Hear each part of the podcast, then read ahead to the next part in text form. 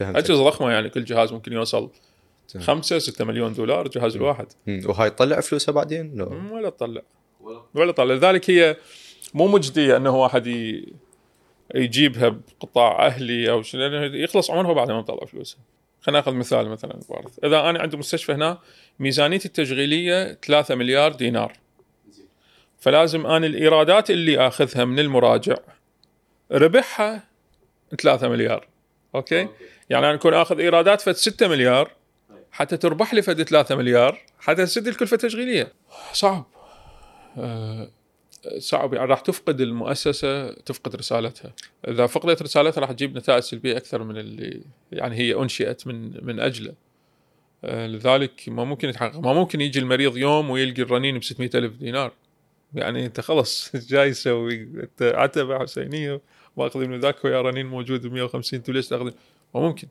فاجا كان يمنا هو سماح الشيخ بالليل. وشنو الأخبار؟ قلنا له يعني المستشفى مقبطة والناس جاية تنتظر مواعيد. قال لا إحنا لازم نتوسع. فأنا هم كان عندي وجهة نظر قلت له شيخنا هي يعني إيش تتوسع؟ وما راح تستوعب كل الناس. بالأخير المستشفى تبقى لها محدودية. قال لا نتوسع. فتشيل التليفون. تليفون أخذوا هاي الأرض. طبعا من هي تابعه المحافظة وصار تعاون وياهم يعني من قبل المحافظة ومنحهم الأرض. وإحنا قاعدين نفس الشيء التليفون خابر القسم المالي إنه هاي تخليها ضمن خططنا وزتنا إنه لازم نروح باتجاه التوسعة. التوسعة راح تصير ضعف الطاقة التشغيلية مع الوارث بالضبط.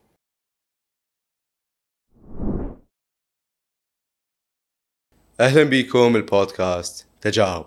حلقتنا اليوم راح نسولف بيها ويا الدكتور حيدر العابدي. رئيس مؤسسة وارث لعلاج الأورام السرطانية. فاليوم كنت أقلب باليوتيوب وطلع لي فيديو آه، وثائقي من لؤي ساهي آه، اسمه قصة ال 200 مليون دولار في كربلاء. وصراحة كلش جذبني هالعنوان ومن فتت على الحلقة انبهرت لأن فعلا هي قصة لمؤسسة غير ربحية مخصصة لعلاج الأورام السرطانية في محافظة كربلاء. دا ينصرف عليها وينذب عليها جهد وتخصص إلها آه، موارد وموارد بشرية أيضا ومواهب بشكل غير مسبوق خصوصا بمجال المؤسسات غير الربحية، يعني إحنا هواي عندنا بالعراق اليوم مستشفيات أهلية ناجحة جدا بكوادر رائعة تعالج مختلف الحالات، لكن قليل جدا المؤسسات اللي بهالحجم اللي تنبني اليوم. وانجذبت إلها مو بس القصص المؤثرة جدا اللي شاركها لؤي بالوثائقي مالته آه، من مرضى من موظفين بيها بس همينه آه، للجانب التشغيلي اللي تمنيت أسمع عنه أكثر بالوثائقي بس ما قدرت فلذلك استضافيت اليوم آني والشباب الدكتور حيدر. حتى نحكي عن هذه المؤسسة خلف الكواليس مالتها. شلون انبنت شلون انجذب لها الفريق والكادر من أجانب ومن عراقيين كانوا مبتعثين ورجعوا آه، لكربلاء اللي هو العراق يعني عموما. وهمينا عن الجانب التمويلي لهذه المؤسسة. شنو الكميات اللي تنصرف؟ شلون تحدد وين تنصرف؟ هل هي مؤسسة غير ربحية أم ربحية؟ شلون تصير التفرقة بين الاثنين؟ شلون تبقى غير ربحية بس بشكل مستدام يكون الصرف بيها بشكل آه، يعني مشرف عليه آه، ومو آه، عشوائي أو كيفما اتفق واللي هم متقنين له أنا لاحظت آه، بشكل مميز صراحة. آه، هل المرضى اللي يجون يدفعون لو ما يدفعون؟ شنو الفئات اللي ما تدفع؟ وشلون تحدد يا فئات تدفع؟ وش قد تدفع؟ ما دام دا تدفع وهذه المؤسسة دا تجيب أجهزة آه، مو من المجدي أنه تجيبها مؤسسات قطاع خاص. هل هي بشكل غير مناف غير مباشر تنافس آه، المستشفيات الأهلية والمؤسسات الأهلية؟ أكو شغلة أنا هم عجبتني ولاحظتها أنه هذه أول مؤسسة عراقية غير حكومية تزورها منظمة الصحة العالمية. وهذا الشيء كلش كبير.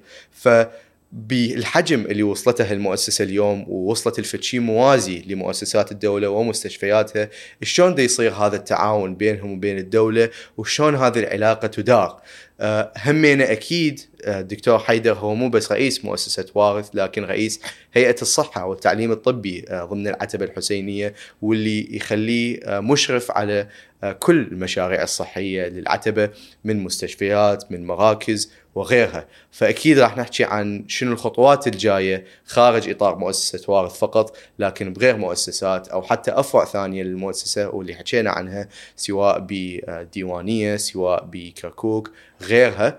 آه، وأكيد همينا آه، مثل ما نناقش بكل حلقاتنا القصة الشخصية آه، للدكتور حيدر واللي أنا شفتها كلش مؤثرة. كشخص اتخذ من علاج السرطان والأورام السرطانية ومساعدة مرضاه بيربس أو أو أسلوب من الحياة مو بس هدف ويسعى له. ف حوار كلش أنا استمتعت به.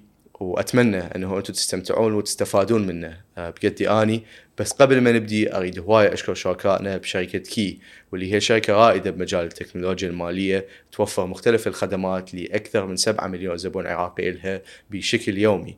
كذلك هواية أريد أشكر شركائنا Business Avenue واللي هي مجموعة من مكاتب ومساحات العمل اللي توفر بيئة هادئة ومناسبة لأصحاب الأعمال من أفراد وشركات أنه يتمون عملهم على أكمل وجه من خلال فرعيهم ببغداد، فرعهم بالأنبار وفرعهم بالبصرة همينة.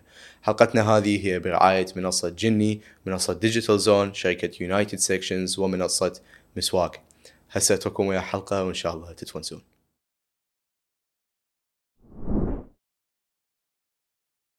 أنا أول شيء لاحظته أنه عندك كتاب على الميز عن مصر والمتحف المصري والتاريخ المصري. آه، ليش؟ آه، وأنت قضيت فترة بمصر بس. هل قد آه، خلصت الدكتوراه بالقاهرة يعني جامعه بالقاهره حلو. وهل قد جذبت يعني حبك انتباهك ليش؟ اي يعني صار علاقة مع قوية مع مصر رغم إنه هو الكتاب هدية من طبيب سنغافوري التحق بينا جديد. زين. فراح زار مصر جاب لي ويا هذا حلو. الكتاب من المتحف المصري. حلو. وشنو يجذبك فيه؟ يعني شنو اللي تحبه بالمتحف المصري أو بالآثار المصرية أو؟ هو مصر عموما هي مصر بلد فرص بها كبيرة جدا. شلون؟ المصريين هم من الشعوب اللي رغم المسافة اللي بيننا وبينهم ولكن هم بهم تشابه كثير مع معانا كمجتمع. القدرات اللي موجودة عند الشعب المصري المستوى الذكاء اللي موجود عندهم. وهم شعب مكافح. يعني الظروف اللي موجودين بها مو شعب تعلم على فترات من الدلال أو الاتكالية أو شيء مكافح. فشوف بنوا قدرات آه، كثيرة جدا. هم ما تعرضوا للظروف اللي إحنا تعرضنا لها من سنين من الحروب. فاستفادوا باتصالهم المستمر مع العالم. شعب عنده إمكانيات متواصل مع العالم المتقدم. فانبنت عندهم قدرات كثيرة. حلو. وش قد قضيت وقت ب أربع سنوات ونص. أربع سنوات. شو تسوي بيها؟ بس الدكتوراه الدرسه ما طبقت يعني هناك أو كان هو الدكتوراه مالتنا هو نظام عملي. نظام تطبيق عملي هو مو نظام بحثي. حلو. هو أنا كل شيء ما أفتهم بالطب فاذا تقدر بس توضح لي هو نظام عملي يعني تداوم كطبيب. حلو. بالإضافة إلى الدراسه نعم. الدكتوراه. وين كنت تداوم؟ إحنا بلشنا لو اي بلشنا. هاي بدينا.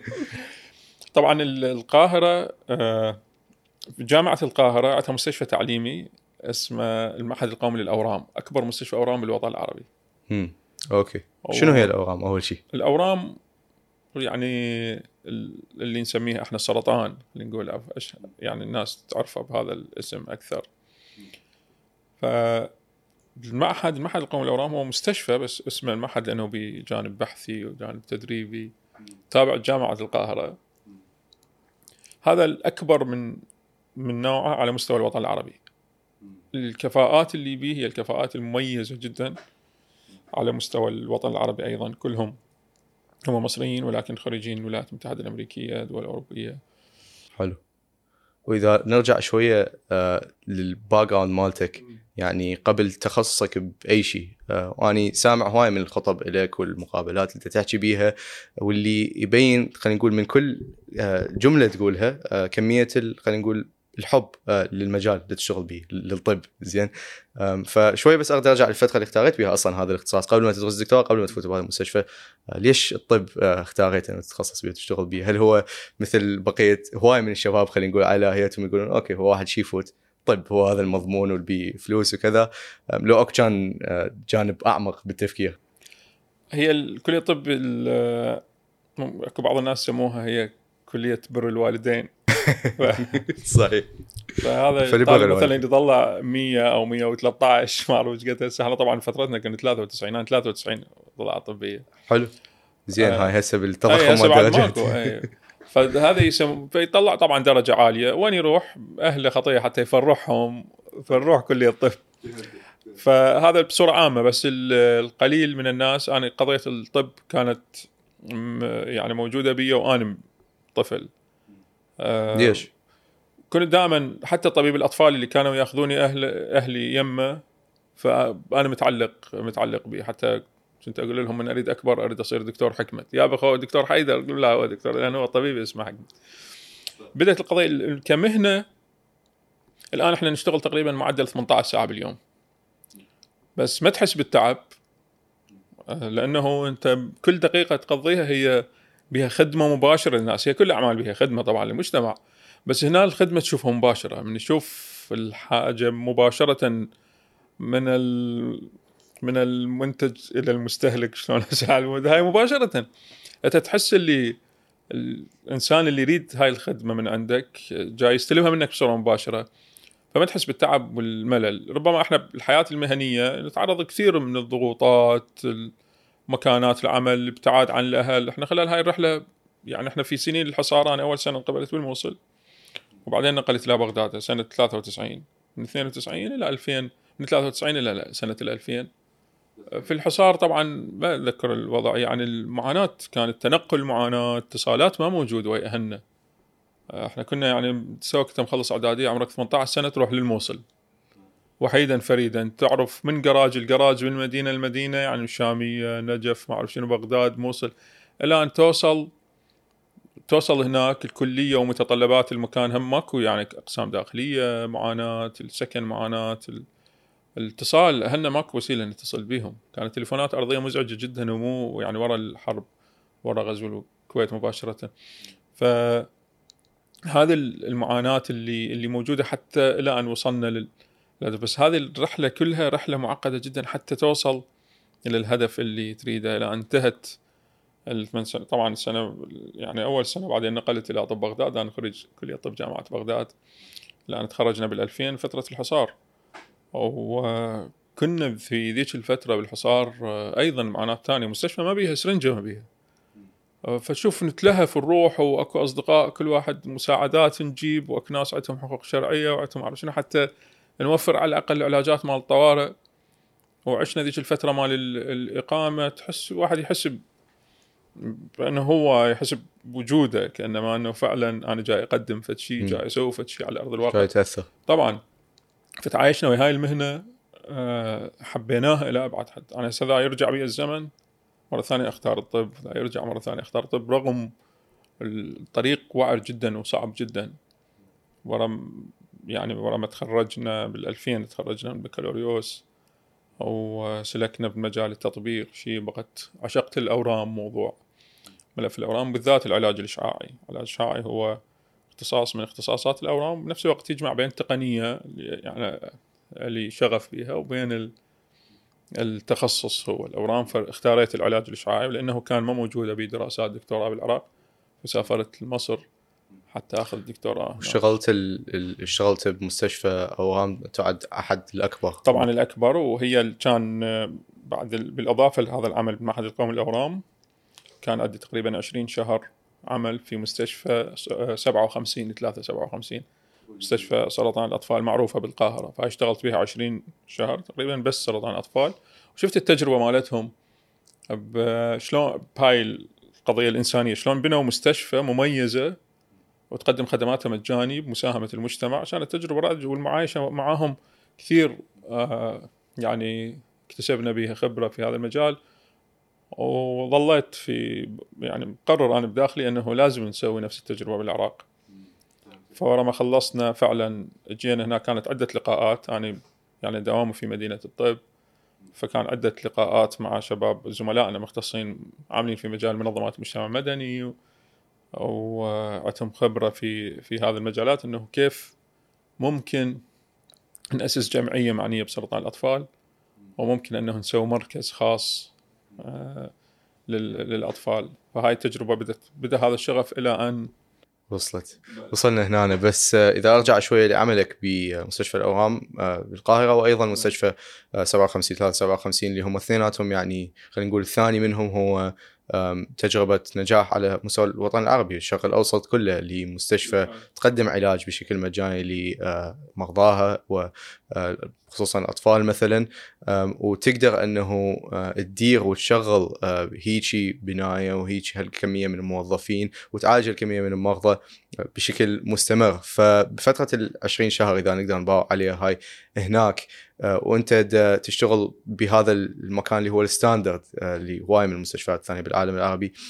شنو تشوف التجارب اللي حصلت منك؟ أكو قصص تذكرها منك أو أكو أشياء معينة تعلمتها؟ بالفعل هذه النقطة المهمة. إنه.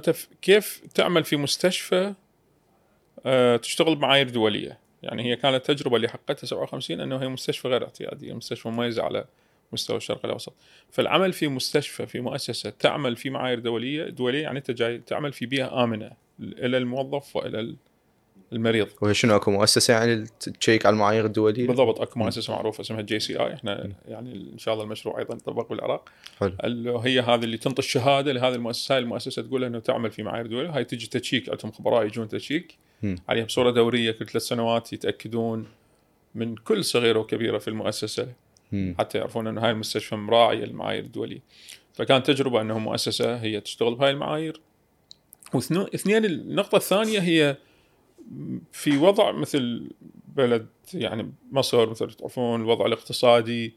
كيف قدروا يبنون هذه المؤسسة من تبرعات من, من الناس؟ لأنه الناس قضية الثقة قضية صعبة جدا كسب الثقة. أي. فأنت تريد تسوي مشروع وبعدك ما عندك شيء على أرض الواقع. أي. يعني عندك مجرد أرض.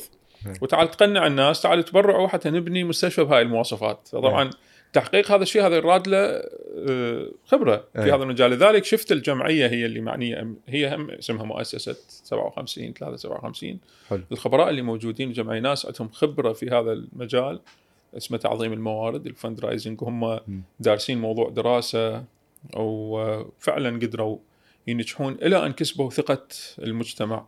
المصري طبعا ورا ما صارت مستشفى والناس شافت على أرض الواقع الموضوع صار يعني صار التبرع تحصيل حاصل بعد. لهم فمثل ما قلت قبل شوي إنه كيف مستشفى تدير هذا العدد من الموظفين المستشفى بها أكثر من 3000 موظف. لأن بها بحث علمي بها تشتغل بستاندرز مختلف عن الآخرين لكل تخصص الاختصاص الدقيق اللي موجودين بأعداد كبيرة. فموفرت لهم كل هذه الإمكانات والنفقات التشغيلية عايشة على تبرعات. فكانت تجربة فعلا مميزة. شلون ذولا نجحوا في بيئة صعبة جدا أصعب من عندنا بكثير. إحنا العراق ممكن مو بهذه الصعوبة بس هم إيه. قدروا خصوصا مثلا ماكو هي مؤسسة واحدة وتتكفل بكل هذه آه، لا لا لا هم مجموعة يعني. مجموعة أطباء أول ما بدأوا بالموضوع. اي, أي نعم. وكان هو الطريفة إنه هو نفسه مدير المؤسسة. يقول كنا إحنا بمحاضرة للشيخ الشعراوي. أي. آه الله يرحمه. فيقول شنو ثاني يقول؟ جدا متأذي عندنا أطفال يموتون المستشفى عام أطفال سرطان يموتون. بسبب علاجات ماكو شيء فقلت له أنا أريد أعيف ال... يعني مليت أريد أعيف المهنة. فهو يقول طرح الموضوع خلي ابدوا هيك سووا مكان مثلا بعيد عن الروتين وفروا له الناس ساهم وياكم. ويقول مد إيده بجيبه طلع ما أدري كان خمسة جنيه اتصور بس جيب الشيخ. قال إنه أنا أنا أول متبرعين. حلو. يقول هاي اعطتنا بتحافز وسوينا الحملة. حلو. فهمتك وبدوا آه، ولحد الآن يعني يفتح أي قناة مصرية نلقى الإعلانات مالتهم إنه تعالوا تبرعوا وكذا آه، قصة كلش مميزة آه، خلينا نقول على مستوى الوطن العربي. بس أنت طلعت من هذه المستشفى رجعت لبغداد وداومت بمدينة الطب ذاك الوقت. ومو ب خلينا نقول نوع من المؤسسة اللي هي غير ربحية أو شيء كنت تعمل شنو تحت يعني سلطة الحكومة لو نعم. إحنا في مدينة الطب نشتغل بمستشفى حكومي. هو دارة مدينة الطب طبعا مدينة الطب عليها ضغط كبير جدا مرضاها من كل محافظات العراق. و فشنو كانت يعني هاي آه، بعدها بعقلك فكرة إنه نعم. تفتح ذاك لازم. الوقت؟ كانت فكرة إنه لازم نسوي مركز خاص لأنه بسبب زخم العدد المرضى على قلة المواد الموارد الموجودة كانت قوائم انتظار كثيرة جدا. المريض ينتظر إلى أن يحصل سرب العلاج ست أشهر شيء. والاطفال يراد لهم يراد له تخدير يراد له جانب نفسي يتعامل وياه يراد له بيئة واحدة مو هو داخل ويا الكبار وبهاي المناظر اللي موجودة وياهم. فهذا الشيء مهما يكون هو ما يلبي طموحنا. ردنا فد شيء مميز للأطفال مستشفى واحدة لهم ذويهم لأنه حقيقة طفل السرطان هو مو بس هو مريض هي العائلة كلها مريضة. يعني نفسية الأهل الأم والأب لما عندهم طفل عمره سنة سنتين مصاب بالسرطان هو صار بهم نفسيتهم شلون صارت شلون يعتنون به ما يعرفون شلون يتعاملون وياه شلون يقضوا حاجاته بصورة صحيحة. آه، هم ممكن عندهم أعمال راح يفقدوها لأنه رحلة علاج سرطان الأطفال طويلة جدا. فأعمالهم وظائفهم ممكن يفقدوها. يعني العائلة كلها انهارت. فأنت مم. شلون طموح إنه شلون توفر بيئة نفسيا الأهل ما يشيلون هم الطفل. أكو مؤسسة كاملة هي اللي تعتني بكل احتياجات الطفل والأم والابو خليهم بس قاعدين يمه بالغرفة يسولفون وياه يضحكون بقية المؤسسة وموفرت له كل هذه السبل. هذا الطموح اللي اللي كنت اتكلم عنه إنه كنا نطمح إنه يصير. نقدر نسوي هذا الشيء. طبعا هذا كل مؤسسات الآن كل دول العالم وماكو جهة وحدها ممكن تقوم بهذا المهم لازم تتضافر كل الجهود مجتمعيا رسميا كلها تتضافر حتى لأنه جهة واحدة وحدها تقدر تقوم بهاي المهام. حتى وإن كانت جهة حكومية مستحيل تقدر تقوم بهاي المهمة. وصلت فبس حكيت عن نقطه حلوة أنه تكون أكو مؤسسة هي تلبي كل هذه الاحتياجات وما تبقي هم يقدر يشيلها يشيل الأب أو الأم أو غيرهم ذوي الطفل يعني آه، هل تشوف أصلا هالشيء ممكن يعني عمليا هو هل أكو خلينا نقول مؤسسات مثلا برا أو بمصر حتى آه، من واحد يفوت طفلة بيها هل يقدر 100% يشيل الهم عن طفلة نعم. ويتكفل؟ نعم ممكن جدا. مم. ممكن جدا مؤسسات تسلم ابنك بالاستعلامات وما لك علاقة. ماكو شيء اسمه هاي يعني شغلة ما موجودة هذا التخصص اللي يسوي هذه الخدمة معروف وين. هو هي المستشفى محتارة بكل شيء. وتوفر كل شيء وتوفر له البيئة. العمل فهذا انت اول ضغط نفسي حررت من عنده الأهل. أنه بعد ما يشيلون هم.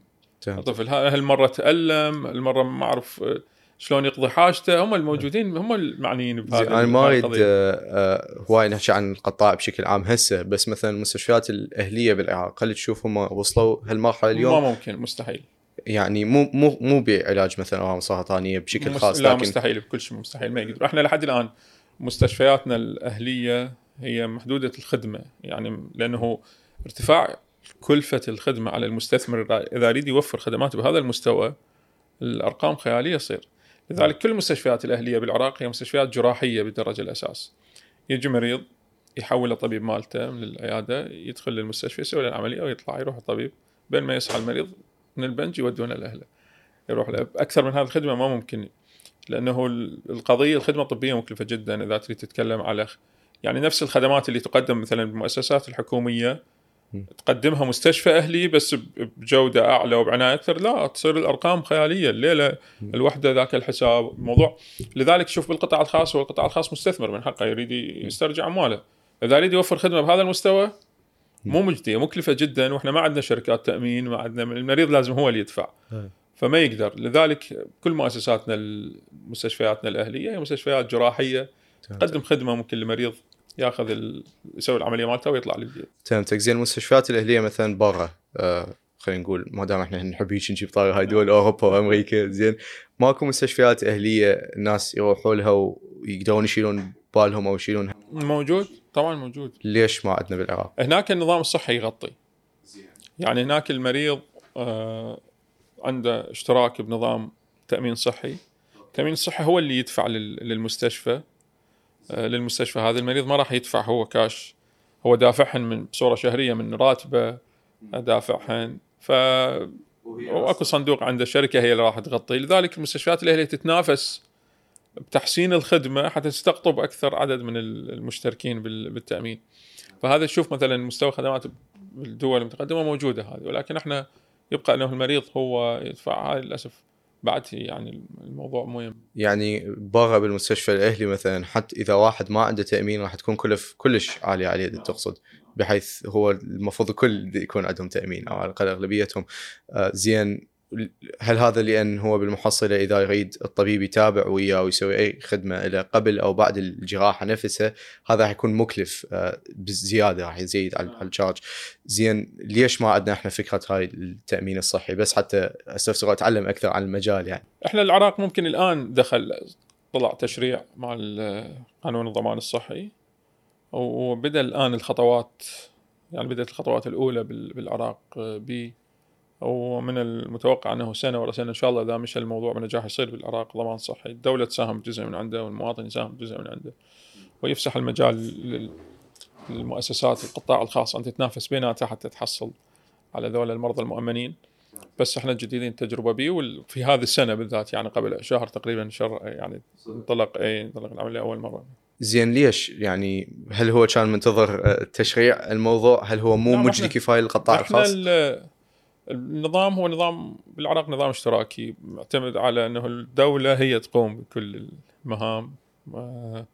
فبعد ما زال آثار موجود النظام الاشتراكي القديم موجود بينا وهذا الشيء كثير من الدول تخلت عنه بعد. ماكو في إنه الدولة هي اللي تقوم هي الدولة ممكن تسهل تضع تشريعات ومثل مثل مثل قطاع الكهرباء مثل قطاع الكهرباء إحنا تقريبا رايحين مولدات كلها عندها سحب وكلها بس هي باقي الدولة عندها عليها ال- الشبكات التوزيع عليها ممكن كلها تروح خلاص والمواطن يرتاح. فهمتك. زين بس سؤالي هو ليش القطاع الخاص مو مجدي كان بالنسبة له قبل ما يصدر هذا التشريع أنه يسوي هو من يم نظام صحي ونظام تأمين؟ يعني شنو هو, هو- الحاجز؟ هم، القطاع الخاص هو مو هو اللي يسوي هو شركات تأمين مختصة هي اللي تسوي تأمين. نعم. إحنا دخلت للعراق. شركات تأمين من قبل كم سنة. آه، بس هي مو شركات تأمين محلية لأن مع العراق ما في خبرة بشركات الضمان الصحي فدخلت شركات تأمين غير محلية وفتحت فروع بالعراق وبدت شركات أجنبية. أول ما بدوا شركات أجنبية يتعاقدون وياهم يعني يامن موظفينه أو شركات كبيرة مثل شركات اتصالات. أمنت موظفيها بهاي الشركات. فالدور أي موظف يتمرض يروح يراجع. الشركة التأمين تدفع له. آه ولكن هي ما زالت محدودة على آلاف يعني مو إحنا ما نتكلم على شعب كله مؤمن. شنو كان الحاجز إنه تتوسع لآلاف له- لهذا الشعب كله قبل ما يصدر التشريع ال- هي ثقافتنا العامة إحنا يعني ما متعلمين إنه أنا هسه أروح أدفع اشتراك سنوي حتى إذا تمرض أروح ما أدفع شيء. لا أقول لك خليها إذا تمرضت فهي بس فهي بس مشكلة وعي يعني. مشكلة وعي طبعا. ولا ضمان صحي تشوف هسه في كثير من ال- الشعوب أو البلدان اذا تريد تسافر مجرد وين الفيزا على سفرة يومين ثلاثة لازم عندك ورقة الضمان. لأن أنت خلال يومين ثلاثة إذا لا سمح الله المسافر يعني تمرضت وين تراجع؟ فعلى يومين ثلاثة لازم عندك ضمان وياك ودافع الشركة التأمين ضمان صحي يلا تقدر تروح لهم. فالمواطن هناك ماكو أحد يبقى هيك عايش على الصدفة. يعني عودة إذا تمرضت مبادرة الضمان الصحي أو التشريع اللي صار شنو يتغير؟ هي الفكرة هذه أنه. تبدي الدولة تسوي الصندوق للضمان الصحي تخلي به هي تدفع ضمان نيابة عن الموظفين عن المواطنين. تبدي بالموظفين وبعدين تبدي توسع راح تبدي بها محافظة محافظة. وصلت حلو. فهذا راح يدفع بهذا الشيء أو على الأقل إن شاء الله يعني يسرع منه. نرجع على تجربتك ودا تشتغل بمدينة الطب وبعدها هاي الفكرة ببالك ودا تاخذ الإلهام من تجربتك بهذه المستشفى وتجربة تأسيسها اللي أكيد خاضوا بها المؤسسين هناك بمصر وتريد تطبق شيء مثلها بالعراق. أول شيء هل آه يعني كان ببالك فد شيء بحجم ذيك المستشفى بهالحجم بهالوسع بهالاهميه لو لو كنت تريد تبدي بشيء أصغر؟ أنا كان ببالي أنه نبدي وي وي طاقة الاستيعابيه للعراق أنه نبدي في شيء كبير بحجم المستشفى. إيه. آه هو طموحه كبير. بس حلو. سبحان الله يعني بعض الأحيان أو كثير من الأحيان تجي ال- الأمور يعني بمستوى الطموح. حلو. فكان طموح فعلا أنه يكون في شيء كبير. اي وقعدنا نخطط بين فترة وفترة عندي أصدقائي يعني وياي في بغداد. نجتمع يجون. يمي يجتمعون ويمي بال- بالشقة. شنو الأفكار؟ شلون نبدي؟ من نبدي؟ شلون نسجل جمعية؟ شلون نحصل الأرض من يسوي لنا التصميم ذن القضايا اللي لقاءات بين فترة وفترة. أي. فكان طموحي وكنت متأكد أني أنه إحنا ممكن يعني نقنع المجتمع بال- بالمساهمة ببناء هيك مشروع. مم. لأنه يعني نعرف مجتمعنا هو بطبيعته كريم بس يريد يأمن أنه يخلي آه، فلوسه في المكان الصحيح. أي. فإذا قدرنا نكسر هذا الحاجز خلاص تحقق الشيء اللي يريده. أي نعم. فهذا التجربة اللي اللي بدت من هذه الأفكار إنه كان طموحنا إنه فعلا نسوي شيء مميز. وكبير اللي نقدر نستوعب به الأطفال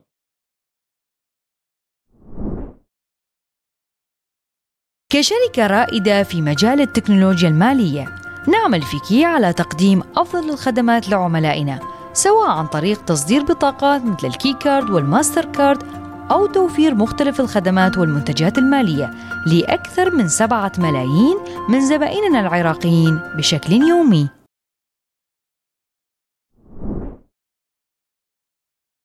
سؤالين هسه اجوا ببالي. أول شيء من شدة اجتمع ويا ذول الأصدقاء آه، ما كان يتراود بالكم سؤال مثلا إحنا ليش نشتغل على هذا الشيء يعني هو مو ربحي آه، ولا أتصور كنتوا راح تقبضون منه شيء يعني. أكيد بي جانب إنساني حلو جانب عاطفي مهم. لكن بالمحصلة آه، شنو العائد لكل دول الناس لجنابك ولاصدقائك جدة شغل وياهم؟ هم أكو مشترك بين الفريق اللي كنا نشترك. بانه هو إحنا نعتقد أنه هو غاية وجودنا بهذا العالم هو هذا. وهذا سؤال طبعا يعني بانحياز لأن أنا قابل رواد مع ناس من القطاع الخاص. فأول شغله تجي ببالي بالضبط. وين؟ هو غاية وجودنا بالحياة هو هذا. يعني أنت قد تقدر تخدم الآخرين.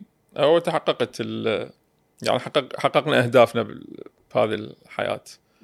فكنا من كنا نجتمع هو كان المشترك بيناتنا هو هذه. طموحنا أنه نسوي شيء مميز لبلدنا آه، طموحنا أنه نظهر أمام حتى بقية الشعوب أنه إحنا مجتمع ناجح. يعني ما عندنا آه، أسباب ربما أدت إلى هذا الوضع أسباب قاهرة مر بها البلد. بس إحنا مجتمع به القدرات وبي أو آه، وبالأخير أنه أنت خدمة الآخرين الإنسان هي هو هذا ربح. تحس الشعور الشعور بالرضا. الانسان يمتى يشعر إذا شعر بالرضا هذا العمل شعر بالرضا خلاص هو هذا اقصى غايه الرضا. وصلت. والسؤال الثاني هو حكيت عن شغلة أنه شلون تكسب ثقة المتبرعين راح يجون شلون تكسب ثقة المجتمع. أنتم هسه مجموعة من الأطباء. ماكو مؤسسة خلينا نقول تقف وراءكم ماكو اسم أو يعني brand معينة تقف وراءكم وتكسبكم هاي الثقة. قبل كل هذا قبل تأسيس هسه المؤسسة اللي إحنا قاعدين بيها اليوم شلون كان ببالكم أصلا تكسبون هذه الثقة؟ هي كان واحدة من ال يعني واحدة من الأهداف اللي خليناها بهاي الاجتماعات هو فعلا شلون نوصل لهذا المستوى. مم، أنه آه، من نبدي؟ شلون نخلي آه نوصل رسالة للناس أنه هذه الفئة من المجتمع تحتاج إلى من يرعاها تحتاج إلى من يمد اليد العون. طبعا في مؤسسات حكومية كثير مقصرة يعني تقدم اللي كوادر مؤسسات ولكن هو كان طموح إنه يريد يسوي شيء مميز خاص بها فهي صدق ليش ما سويتوا فشي ويا الحكومة؟ يعني موجودة موجودة في طبعا في عدة مؤسسات حكومية. اكو رتات مال أورام للأطفال. العفو بس هي محدودية القدرات تحتمك إحنا بدنا لا نسوي شيء على مستوى تصميم على مستوى بناء ليش؟ على مستوى رفاهية. تريد شيء مميز مثل ما موجود. هذا برا فهمتك و وطبعا من بل بلشنا حتى ال- الفكرة أول ما بدأت تن- تنطرح. أنا بالصدفة كان أحد الأشخاص امرأة هي يعني الله يستر عليها ما زالت يعني موجودة ببغداد مجرد إنه كنا نسولف إنه أكو فكرة هيك بلشنا بيها. هاي راحت اشترت أرض. زين. اشترت أرض بارك سعدون ما أدري 800 الف دولار ما أعرف ليش صدق؟ والله وما زالت طبعا الأرض موجودة. وقالت دكتور أنا اشتريت أرض. هذه قلت لها أبغى تقول لي لنا شو- شنو الأرض؟ مساحتها 400 متر المتر ب 2000 دولار. ف قلت لها لا إحنا طامحين بمستشفى أكثر. خلينا نسويها حتى إذا هيك رتها مال الاطفال وأنا مستعدة. فأخذتها ورحنا الرتها مال الأطفال اللي عندنا مدينه الطب قلت لهم ظلنا نتبادل افكار يا بكو هيك إمكانية. قالوا لها طرحت هاي القضية إنهم إذا نسوي مثلا مستشفى حكومي هنا يمنا إحنا مستشفى حكومي ممكن نعم. ندعمها قالت له أنا ممكن ادعمكم إذا محتاجين شيء نشتري أدوية شيء نساهم بهذا الموضوع. بس أنا ردت فد شيء نسوي شيء مميز. فهاي تجربة. طبعا ما زالت الخطية ما تحقق حلمها أوكي. بس الأرض لحد الآن محتفظه هي مخليتها الموضوع. فانت ممكن. هذا صعدت أكيد. هاي الحكي بال صار 2018 هالشيء أي. بعد ف وأنا متأكد إحنا لو مبلشين ذيك الحملة الإعلامية الحمله لا كان يعني تحقق الهدف اللي لأن كثير من. الناس عندها عندها رغبة أنه فعلا أكيد. فعلا يساهم فهمتك فشلون كنتم مخططين من البداية إنه تكسبون الثقة؟ ال... هو يراد لها خبرة في هذا المجال. هي واحدة من الأمور قلت لك أنا قبل شوية بالنسبة للجمع المؤسسة اللي موجودة ب 57 ذولا دراسة علم. يعني هو تخصصهم آه شلون يجيبون المتبرع. يقعدوه يطلع لازم ولا جنيه بجيبه كان نقول إذا طلع المتبرع وعنده جيب روح خذ دورة إضافية. لازم. المفروض يسوحهم كلهم يروح. اي فذولا خبراء طبعا هم خبرة في هذا يقنعوه فعلا إن هم مو هم جاي ما جاي يخدعون شخص. بس شلون يوصلوا له. بالضبط ان هم جاي يسوون أو شنو هدفهم. م. فهذه فن.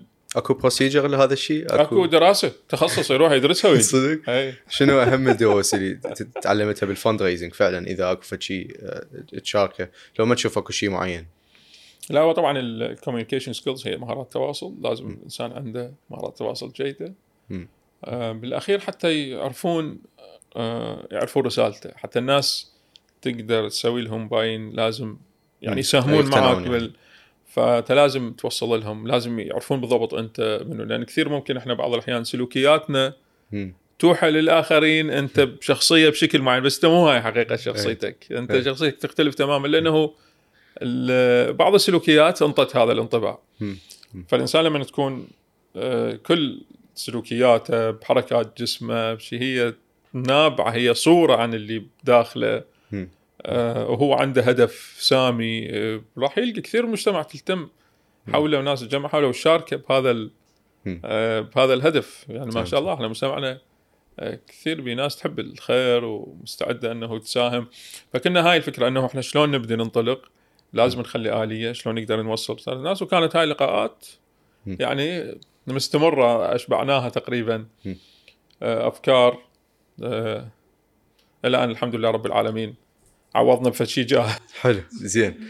شنو شنو بعد هاي الأفكار جمعتوها؟ شنو الخطوة اللي بعدها سويتوها؟ ويا من تواصلتوا؟ شلون آه توصلتوا بعدين إلى إنه okay خلينا نبني هذا الشيء.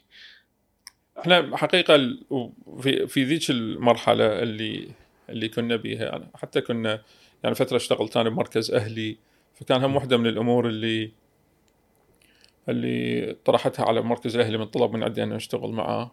تخصصي بالأورام. قلت له انه مم. ممكن نجيب أطفال مجانا لأن أنا عندي في مدينة الطب قامه انتظار طويلة فممكن أجيب أطفال مجانا والرجل قبل. يعني طالب عدد معين إنه أجيبهم حتى نعالجهم مجانا. فظلت هاي الفكرة إنه شلون إنه من الأطفال؟ يعني على نفقتهم آه. آه على نفقة المستشفى. أي نعم. ال يعني إحنا أنا بالنسبة لي ما أخذ جر من عندهم فقلت له صاحب مستشفى هم اللي تأخذ جر حتى يصيرون أوكي. مجانا. بس العدد. كان آه، شوي بسيط. إي. بسيط بس كانت فكرة نبعث نادر أكو واحدة من الشركات متمكنة جدا معروفة ببغداد طرحوا موضوع إنه إحنا خلي آه، إحنا ممكن نسوي مركز إشعاع. بلشت الفكرة مو مستشفى أورام كامل نعم نسوي مركز إشعاع باسم الشركة. وأنا أديره. المركز. وهم يتك- يتحملون التكاليف مال ال- الانشاء والكلفة. زين. فقعدنا ويا مدير الشركة دعا هو كان المالك للشركة عراقي هو بدبي. هم أخذنا موعد وبلشنا قعدنا وياه طرحت عليهم شرحت لهم الفكرة كلها بكل تفاصيلها حسبنا الكلفة إيش قد. فقلنا إنه هذا خلص راح يختصر علينا الموضوع إنه هذاك الشخص. هو راح يتبنى الموضوع. هي تصير نواة تبدي بإشعاع ممكن بعدين تتطور إلى مستشفى. أكيد. لأنه تب- تبدأ شيء موجود على أرض الواقع حتى المتبرع من يجي يشوفك شيء موجود طبعا. مو مثل ما تسولف له سالفة بالهواء. أكيد. فاحنا بهذه المراحل آه، اجى انعرض الموضوع الموضوع هذا الكبير. زين. اللي طبعا اختصر كل ذنيك الطرق.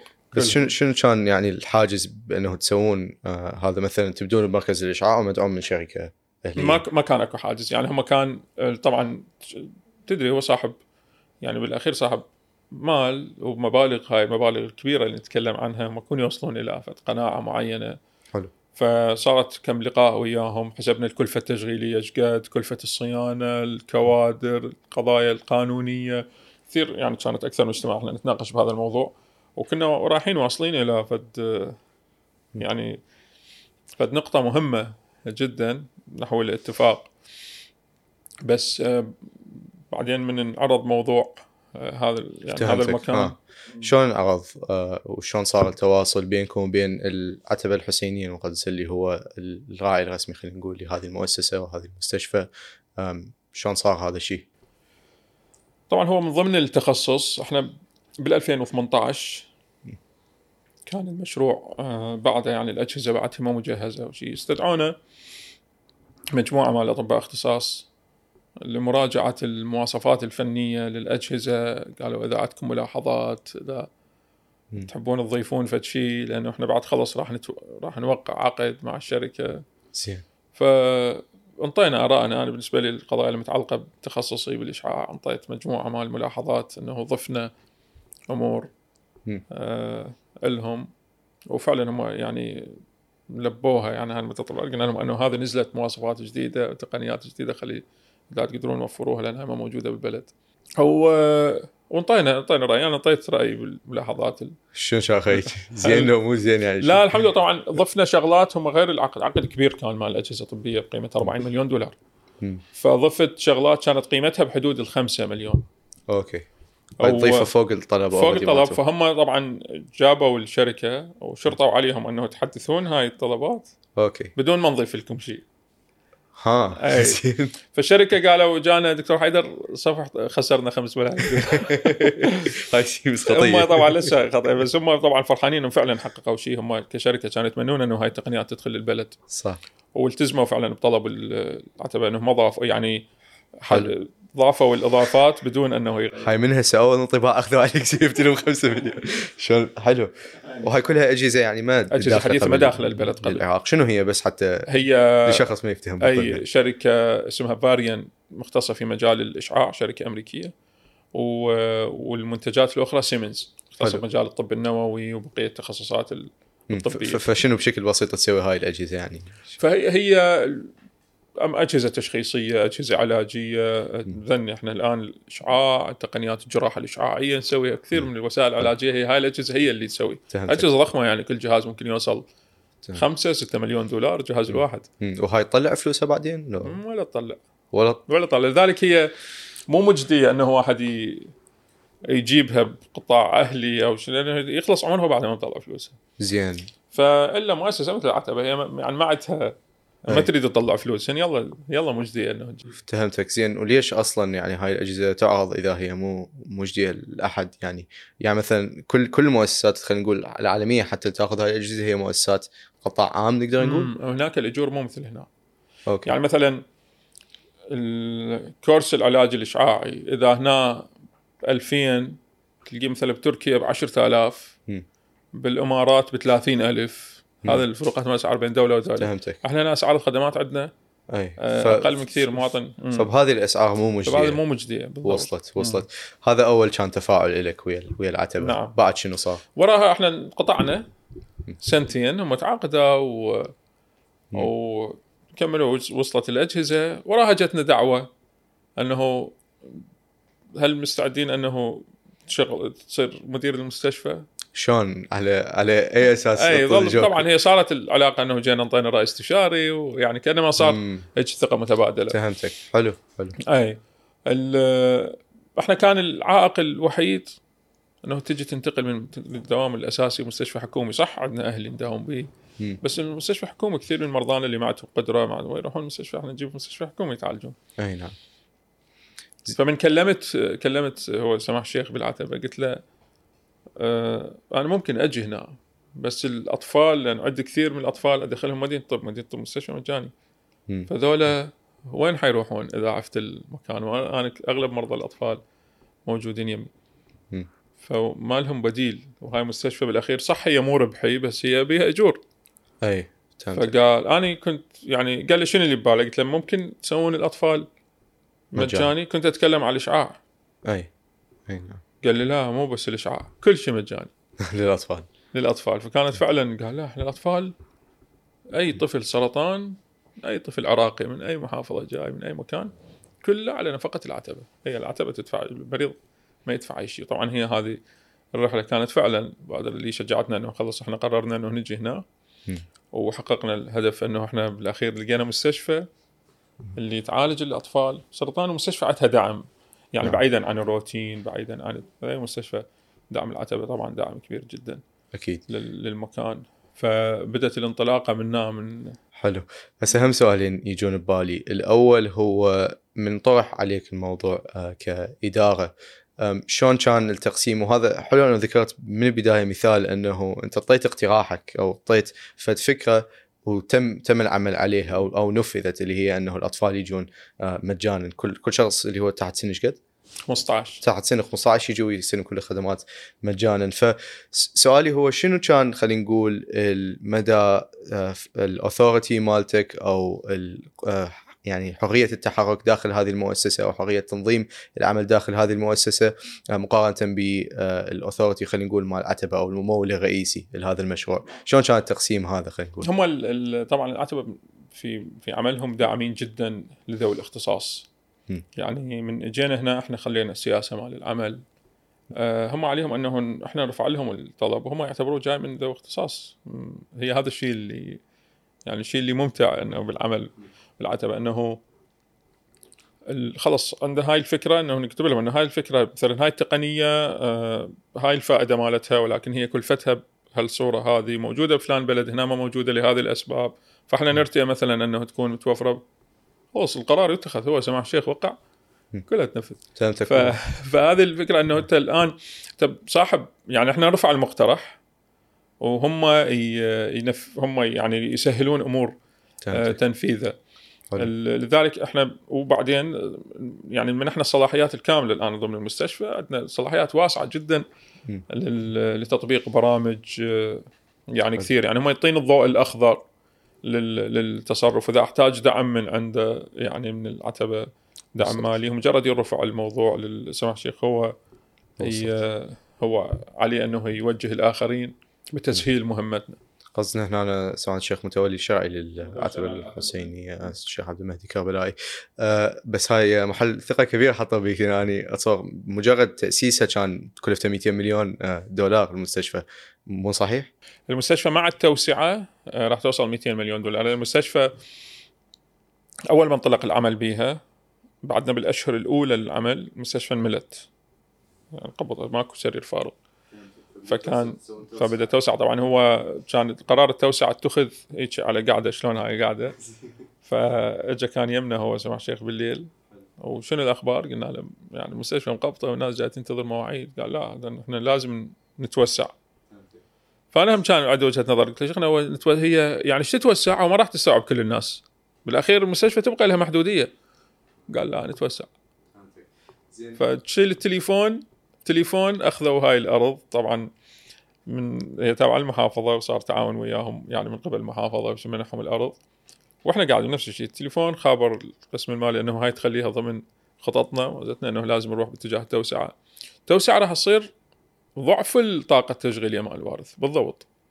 يعني هنا إحنا 120 سرير التوسعة 240 إذا هنا معجلات خطية اثنين هناك أربعة وهكذا. صالات عمليات كل شيء ضعف ضعف الطاقة التشغيلية. فكل المشروع آه، كلفته يصير مجمل هنا وهناك راح يتجاوز 200 مليون دولار. ما شاء الله. أوكي. أه هم أرجع لفترة التأسيس والفكرة اللي كانت ببال الممولين لهذا الشيء كله. هو هل كان ببالهم لأن حكيت لي انه هي المؤسسة غير ربحية لكن هم يعني يشرجون ال- المراجعين والمرضى أه يطلبون منهم فلوس. شلون يصير التوازن بين هذه الشغلتين؟ يعني هو هسه إذا شخص يدفع فلوس وتروح للمستشفى هذه بعدين شو يصير بحيث تصير غير ربحية؟ يعني هو مو يربحون اذا يستلمون مني فلوس؟ طبعا هي مو كل الفلوس أخذها يعني ربح. زين. يعني مثلا إذا كانت المستشفى طاقتها أو آه، ميزانيتها التشغيلية خلينا نأخذ مثال مثلا بارث إذا أنا عندي مستشفى هنا ميزانيتي التشغيلية 3 مليار دينار. زين. فلازم أنا الإيرادات اللي أخذها من المراجع ربحها 3 مليار أوكي أوكي يعني أنا أكون. آخذ إيرادات فد 6 مليار أي حتى تربح لي فد 3 مليار حتى أي. تسد الكلفة التشغيلية حتى تصير سد بسد يعني صفر تصير. هنا تخيل إذا المستشفى هسه راح اضرب لك مثال شهر نعم. شهر العاشر مثلا راح. ال 3 مليار هاي من عندها أكو واحد و200 مدفوع يعني. أنت المفروض أنت توصل أكثر تتخيل مدفوع واحد 200 اللي يسد تقريبا طبعا جزء من عنده يروح نفقات أدوية وأجهزة وفد شيء.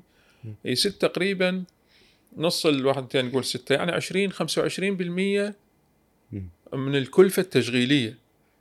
فأنت اللي تاخذهن من المراجع ذني ما يمثلن سوى ربع الكلفة الكلفة التشغيلية يعني لولا وجود جهة داعمة لهذا المستشفى الشغلة أم ال ألف تصير ب 400 ألف يلا المستشفى تقول أنا مو ربحي أنا الآن سديت نفسي. فهمتك. فهاي الفكرة. خاصة لما تجي تقدم خدمات نوعية. نعم. يعني انت مثلا لما تجيب رنين بمليارين وربع. أو ماكو قطاع خاص يقدر يجيب رنين مليارين وربع. من. يشتري. هواي رنين مستخدم كل كل مراكزنا الاهليه. رنين مستخدم اجيبها 100 100 يعني 200 الف دولار مشي بالوضع. بس أروح أجيب رنين بمليون ونص دولار؟ وين الربحيه بالبيت؟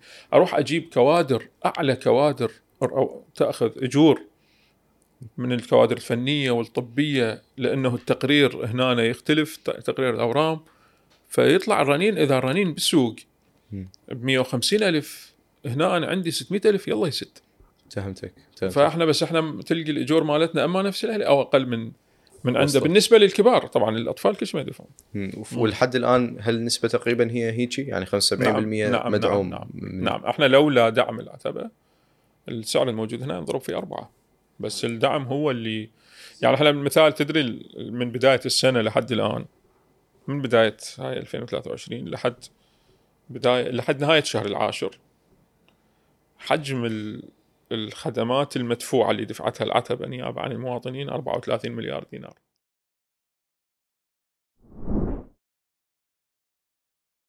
بيئة هادئة مناسبة لإكمال أعمالك ولقاء عملائك. والتعرف على أصحاب الخبرات وشركاء النجاح. يسعدنا زيارتكم لمساحة العمل المشتركة بزنس أفنيو في أحد فروعها في بغداد، الأنبار والبصرة.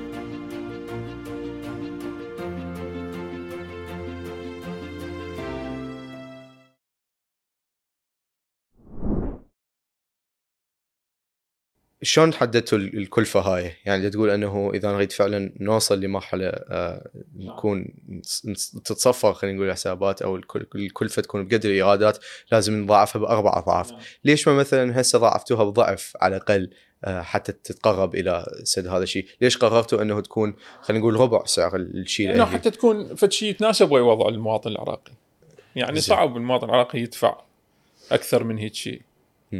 فهذا فد شيء نقدر نقول معقول نوعا ما حتى الإنسان اللي بوضع اقتصادي يعني خلينا نقول وضع معاشي متوسط ممكن يتناسب وياه. فوضعنا الاجتماعي هذا الشيء مناسب. طبعا وصلت. رغم حتى على هذا رغم هذا رغم أكو ناس ما معناتها تروح تجي اكو مكتب يعني المكتب الخاص مع سماح الشيخ هو يجي يتبنى فهمتك. الاجور عنهم. زين والشخص اللي خلينا نقول مقتدر آه، بحالته ودا تقول لي إنه مثلا عندكم أجهزة وعمليات وخدمات نوعية آه، تختلف وجوز ما موجودة بأي مستشفى ثاني بالعراق فبحالة الشخص المقتدر اللي يريد يعني آه، يدفع لهذه الخدمات يدفع المبلغ الكامل هل المستشفى هذه هي أحسن خيار له لو أكو مثلا مستشفيات إهلية. طبعا أفضل خيار أفضل خيار له فيجوكم هواي ناس يعني كم همينة كبير هم دي يريدون يدفعون. أو بالضبط إحنا الميزة بالمستشفى هي بعض الاحيان نسوي مستشفى خيري أو أي مشروع صحي خيري أو طبي خيري يعني تقدم خدمات للناس اللي تحتاج خدمة. آه بس هذا وحده مو كافي. كافي أنه تسوي مستشفى تشتغل بجودة تنافس المستشفيات اللي موجودة بغير مكان هي هذه الغاية نعم. وهذا الهدف من إنشاء المستشفى هذا إنه أنت مو بس أنا أريد أسوي فد شيء أساعد به الفقراء وإنما أقدم خدمة للناس الميسورين ممكن حل بديل لها الآن عندنا أنا عندي هنا أحد المحافظين هسه جاي يتعالج ممكن لأن ما اسمه سوى العملية بألمانيا واجى أخذ الإشعاع هنا أنا يعني كلمني من هناك من ألمانيا الطبيب اللي.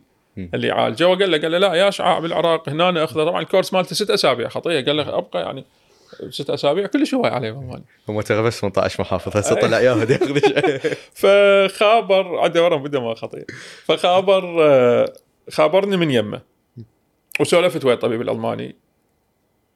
حديث أبو دقيقتين يعني ما استمر يجي بالتليفون فهو يقول لي قال بس التليفون؟ قال لي روح للعراق روح للعراق يعني من سولفت له شنو اللي عندنا هنا موجود بعد يقول لك ليش مبقي؟ يعني يمي يوم خلص اطمئن. يعني ما كان متوقع إنه بلد مثل العراقي راح يصير الحديث وياه بهاي الصورة فهنا لا الموجود هنا هو بديل بديل عن أي مكان آخر. ممكن وبنفس الوقت هو تشتغل على يعني تشتغل على جودة خدمة فشيء معقول ممكن إنه يتحمله المواطن البسيط. وعندنا طبعا تدري عندنا قصص إحنا أحد التجار تجار كبار يعني الرجل من محافظة ميسان زوجته هنا أخذت إشعاع. كان متردد إنه أخذ الاشعاع هنا لو أطلع حتى العملية سواها هنا ف إلى ان قرر إنه خلص يأخذها هنا، إحنا ما كنا ندري هو كان يجي بس ما كنا ندري إنه هو متمكن لهالدرجة هذه، بعدين إجت سيارته مصفحة وإجازات مو هو مو بالدولة بس هو ماخذ إجازات خاصة لأنه طلع رجل أعمال كبير. هسه هو شهريا ورا ما خلص خلصوا علاج.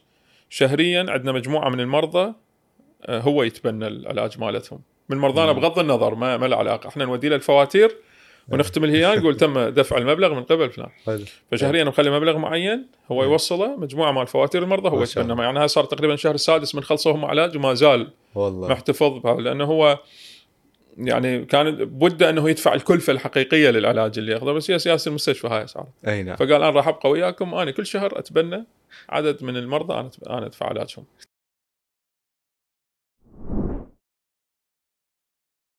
أنا هسه آه، تشوف الاطباء الموجودين هنا وأكيد أكو هم آه، تغطية إعلامية لهذا الشيء وأنت جنابك ذاكر موضوع أنه هواي من الأطباء اللي يجون آه، تستقطبوهم يعني من خارج العراق يعني أطباء آه، مختصين بمجالاتهم ويجوز السكيلز مالتهم هي ما متوفرة بالعراق فتحتاجون تستقطبوهم تروحون للخارج فأول شيء شلون تتم يعني هاي العملية؟ خلينا نقول هل هو هذا شيء محفز كفاية لهم إنه يجون؟ وثانيا هم أنا شنو تسوون؟ وشنو على شنو تشتغلون؟ بحيث هاي المهارات مالتهم هم آه، يتم تدريب عراقيين عليها. خلينا نبدي بالأول أول شيء شلون تستخدمون كل ذول الناس؟ طبعا إحنا واحدة من السياسات اللي اللي مرسومة من قبل المؤسسه إذا نتكلم هو أول من شجعنا عليها آه هو سماح الشيخ نفسه. قال أنا الكفاءات العراقية اللي موجودة برا إذا عندهم مطالب لا توقفون عند مطالبهم. إحنا نريد نوفر لهم البيئة اللي يعملون فيها. هنا وفعلا بدت كوادر يعني أحد زملاء جراح بأمريكا اجى وراه جراح بالسويد جراحين من المانيا ذول عراقيين نعم. و... وبدت قام واحد كانه ما يوصل خبر. للثاني أنه الأمور هنا فعلا مشجعة. آه وهم طبعا نظام عمل هناك شو مو مثلنا إحنا أطلع من الحكوميه أروح عيادة أروح مستشفى أهلي أرجع البيت. هو عنده مؤسسة واحدة ياخذ أجورة بها بصورة يعني مبلغ زين أو مرتاح. وشلون تقنعهم فإحنا وفرناهم وفرناهم نفس هاي بيئة العمل. إحنا نعطيهم الدور اللي هم يكونوا راضين بيها بيئة عمل وحدة ما يعني ما يظل يشتغل بين عدة مؤسسات. ومتطلباتهم إنسان يريد يعني هذا ذولا شخصيات علمية يراد إنه فعلا يعيش في وضع معين. فوفرنا لهم إياه. وبدت الأمور بدا واحد يجذب عشان معدل معدل يومي أو بين يوم ويوم. أنا هذا الأسبوع اثنين مقابل العراق واحد بأمريكا جراح زراعه كبد وبنكرياس وصار له تقريبا 96 هناك بسان فرانسيسكو. أسماء معروفة مشتغل عمليات كثير. نعم. واجا قاعد يم هنا. قال لي أني كان بدي انقل زراعه الكبد للعراق قلت له إحنا عندنا مركز زراعه كبد قيد الإنشاء بالمناسبة. الآن تابع للعتبة فقلت له هذا المركز موجود عندنا. ويشرفنا انضمامك يعني من دز لي بياناته ودخلت على موقع المستشفى وشفنا المستوى مالته. قلت له هو رجل كل هاي السنين هناك. واحد ثاني يشتغل بالخلايا الجذعية عراقي بالسويد. و... وأجا قال آني والمشرف مالتي سويدي عندنا رغبة أنه ننقل هاي التجربة لل... للعراق. وشلون كان الحاجز لهم يعني قبل هذا مثلا إذا مستشفيات اهليه ثانية عراقية تجيهم إنه مثلا رواتب ما تكون مجديه كفاية؟ صعب بالقطاع القطاع الأهلي. هنا الفرصة أكبر تكون موجودة لأن هنا أكفت شيء ميزة بالمكان. ربما إحنا ما توسعنا أكثر من الورث بس أنت تتكلم على مؤسسة اللي تضم سلسلة مستشفيات. بالمناسبه إحنا ممكن موضوع ما صاير عليه تسليط الضوء أكيد. بس ممكن بمرور الزمن إن شاء الله راح يبدي يبين أكثر. الآن بحدود ال 20 مستشفى بين قيد الإنشاء وبين قيد التصميم في عموم نعم. العراق. نعم. تابعه نفس المؤسسة. تحت هم البراندنج مال وارث؟ نعم وارث جزء منها بما متعلق بالأورام. نعم. والبقية ثانية غير حسب تخصصات. نعم. فحجم المؤسسة والخدمات اللي تقدمها عندنا إحنا مدن طبية الآن قيد التصميم في الكوت والنجف والبصرة مدينة طبية خمس مستشفيات تخصصية كل مدينة طبية. فهمتك. وطبعا أكو مستشفيات قيد الانشاء قطعة مراحل. الآن وارث البصرة إن شاء الله شهر الواحد يعني هسه الآن بلشنا الشركة. يعني الشركة كملنا الحمد لله وبلشنا المعايرة مال الاجهزه وذن السوالف الأساسية قبل التشغيل. هاي وارث اخذ هذه وارث. نعم. وأكو بعد ثلاثة وارث غير ذن الاثنين. وين؟ كركوك وبغداد والديوانية. نعم. ذني يعني فراح يصير سلسلة وارث آه، خمس آه، خمس مؤسسات هاي معنية بالأورام. وكلها طب كلها طبعا تعمل بنفس المستوى إنه أطفال مجانا كبار بنفس بنفس هذا المستوى. فهمتك. فسلسلة أنت تعمل كأنما انت راح تحس تعمل مع مؤسسة كبيرة جدا مؤسسة فرصة البقاء بها آه، أكثر من من غير مكان. فرصة الإبداع بها أكثر وأنه تقدير لهذا الإبداع أو فرصة التطوير. إحنا أسسنا الآن أكاديمية وارث للقيادة الطبية سميناها. آه هذا اللي تأهل القاده يقودون مستشفى يشتغلون بمعايير آه، دولية معروفة ندربهم يعني ونأسس ونوفر لهم مدربين. وتأسست الآن والان كتبنا عدة برامج راح ينطلق أول برنامج شهر 12 حلو. تأهيل قال فهذه المؤسسة هي بلشت تستثمر في موظفيها انه توفر لهم أنت كل وسائل حتى وسائل حتى يطورون مهاراتهم. فالعمل مع المستشفى هذه وهي بالأخير أنت مامن أنه مستشفى مؤسسة مو ربحية. يعني ما تجي بعد كم يوم للجراح وتقول له أنت يابا يعني جاي تخسرني. أو لا أنت جاي تشتغل؟ أوكي خسرني. أنا أريدك. بس كون تشتغل عندك عدد مرضى زين حتى إذا تخسرني أهلا وسهلا بك. أنا حلو أنا سهل جبت موضوع طاري. هو جسر لي سؤالي اللي هو من منظور خلينا نقول تشغيلي تقني فني. ليش أختير أنه هذه المؤسسة تكون غير ربحية؟ هسه أنا أفهم أكيد من المهم جدا يكون دور للعتبة بمساهمتهم آه، بتحسين المجتمع بمساعدته بالجانب الإنساني اللي هم آه، يريدون يرعوه أكيد. بس من جانب خلينا نقول الاستدامة هل كان برأيك القرار الصائب أنه تكون مؤسسة غير ربحية؟ لو ليش؟ يعني أني هسه هم أجي من حيازي كشخص يقابل ناس قطاع خاص ورواد أعمال. عندنا الفكرة إنه إذا موضوعه مو مربح فهو مو مستدام. زين؟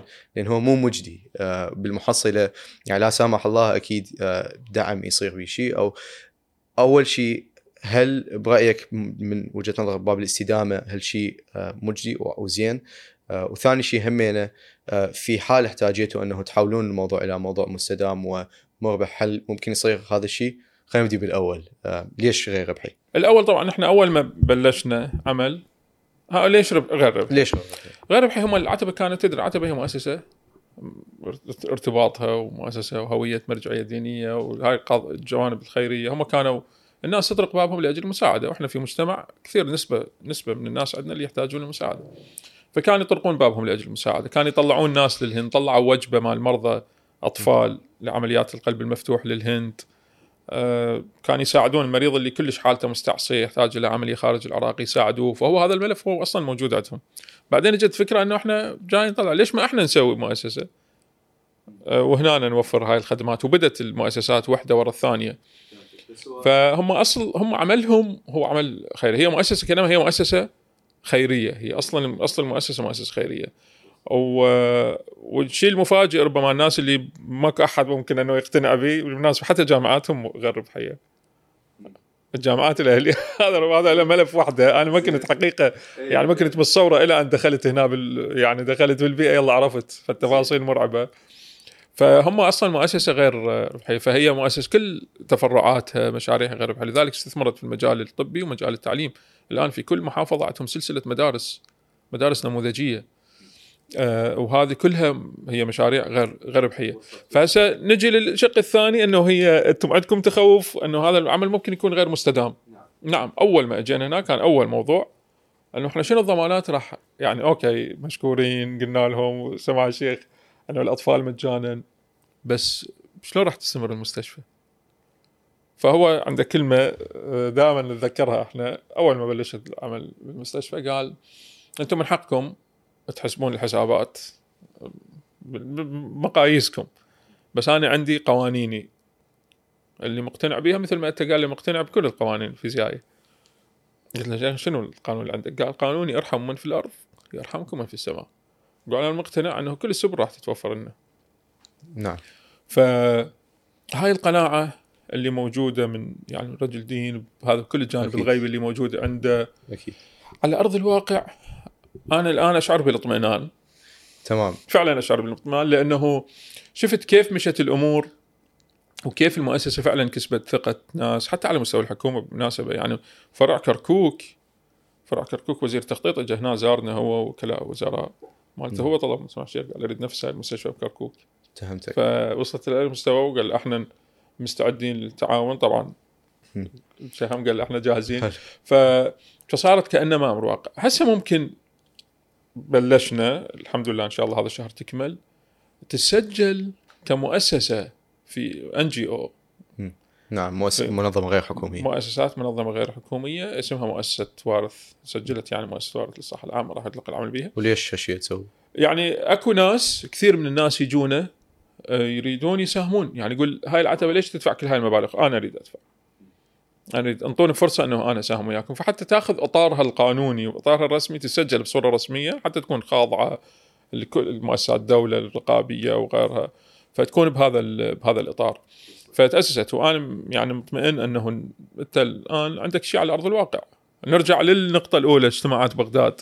أنه شلون نأسس مؤسسة هي بالاخير تاسست بس تأسست بعد كل خطوات النجاح اللي موجودة. يعني تجاوزت كثير من الصعوبات. ممكن أنا أنا وياك هسه نقعد نريد نأسس مؤسسة.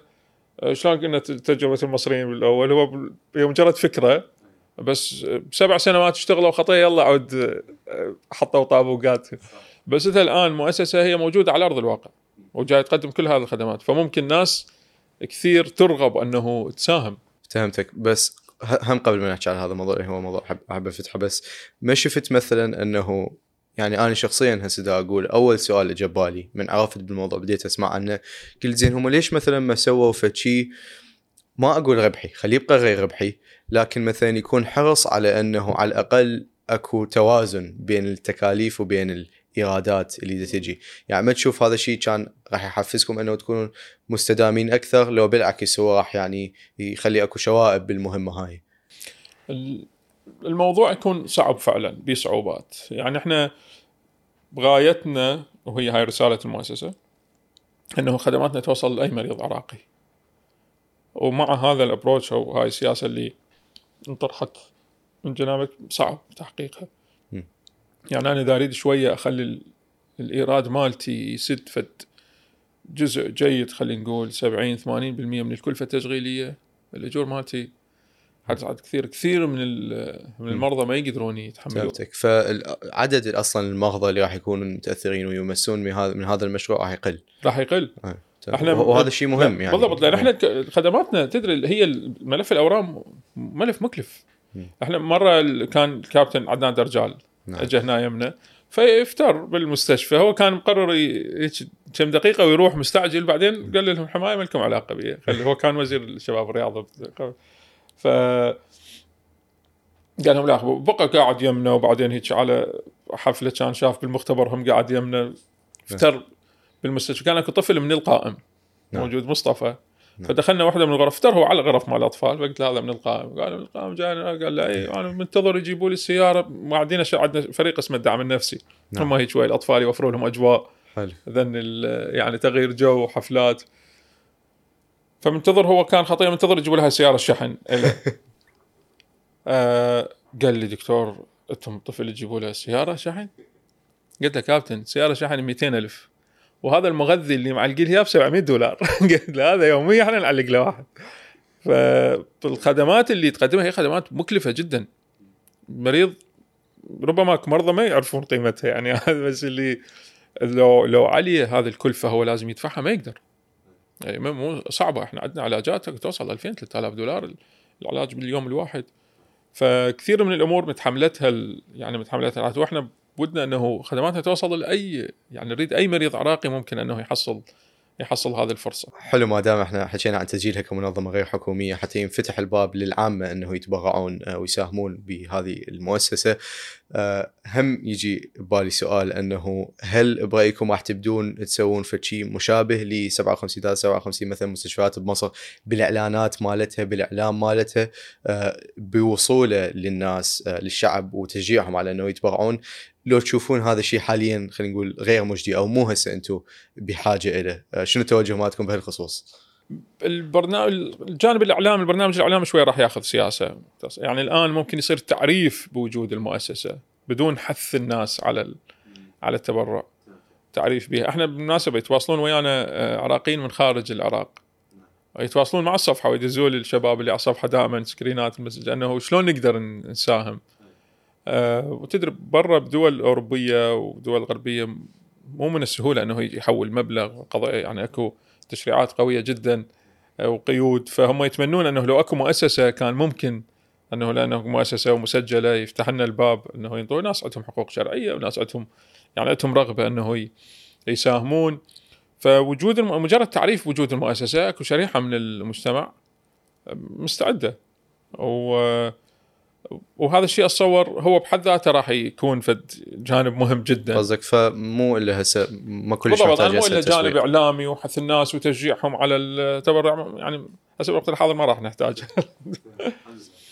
حكيتوا عن التوسعة لكذا محافظة لهذه المؤسسه البصرة كركوك ديوانية واللي موجودة هنا. يعني أنا دا أشوف آه، خلينا نقول توسعة لهذا الشيء من قبل العتبة وهيئة الصحة والتعليم الطبي اللي هي تشغلها العتبه وتدعمها واللي هي تحتوي على كذا آه، مستشفى. ما أعرف كم مستشفى هسه حاليا موجودة قائمة. الموجوده ستة تشتغل. ست مستشفيات وأكو 20 وحده قيد التصميم والتأسيس. آه يعني هذا كم؟ كبير. آه مو قليل ابدا.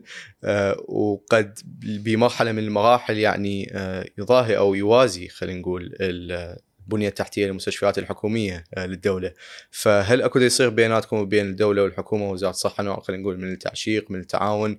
آه، بهالمواضيع لو أنتم تمشون بخط وهم يمشون بخط شلون هاي العلاقه تدار؟ إحنا علاقتنا تكاملية.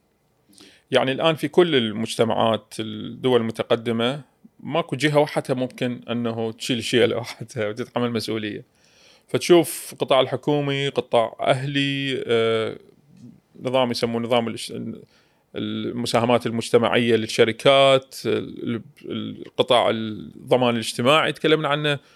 كل واحد ماخذ له فد جبهة معينة لأنه مستحيل جهة واحدة ومو من المنصف. يعني أنت مو من المنصف الآن تجي تحمل مسؤولية مثلا جهة رسمية وزارة الصحه تعالي أنت تحملي تحلين الوضع الصحي بالعراق كله وراء عقود أربع عقود من من الدمار.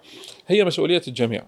لذلك العتبة دائما يكررون هذا الشيء وحتى هو سماحة المتولي الشرعي سماحة الشيخ في كثير من افتتاحات مؤسسات يقول إحنا مكملين لل, لل... للقطاعات الأخرى. ال...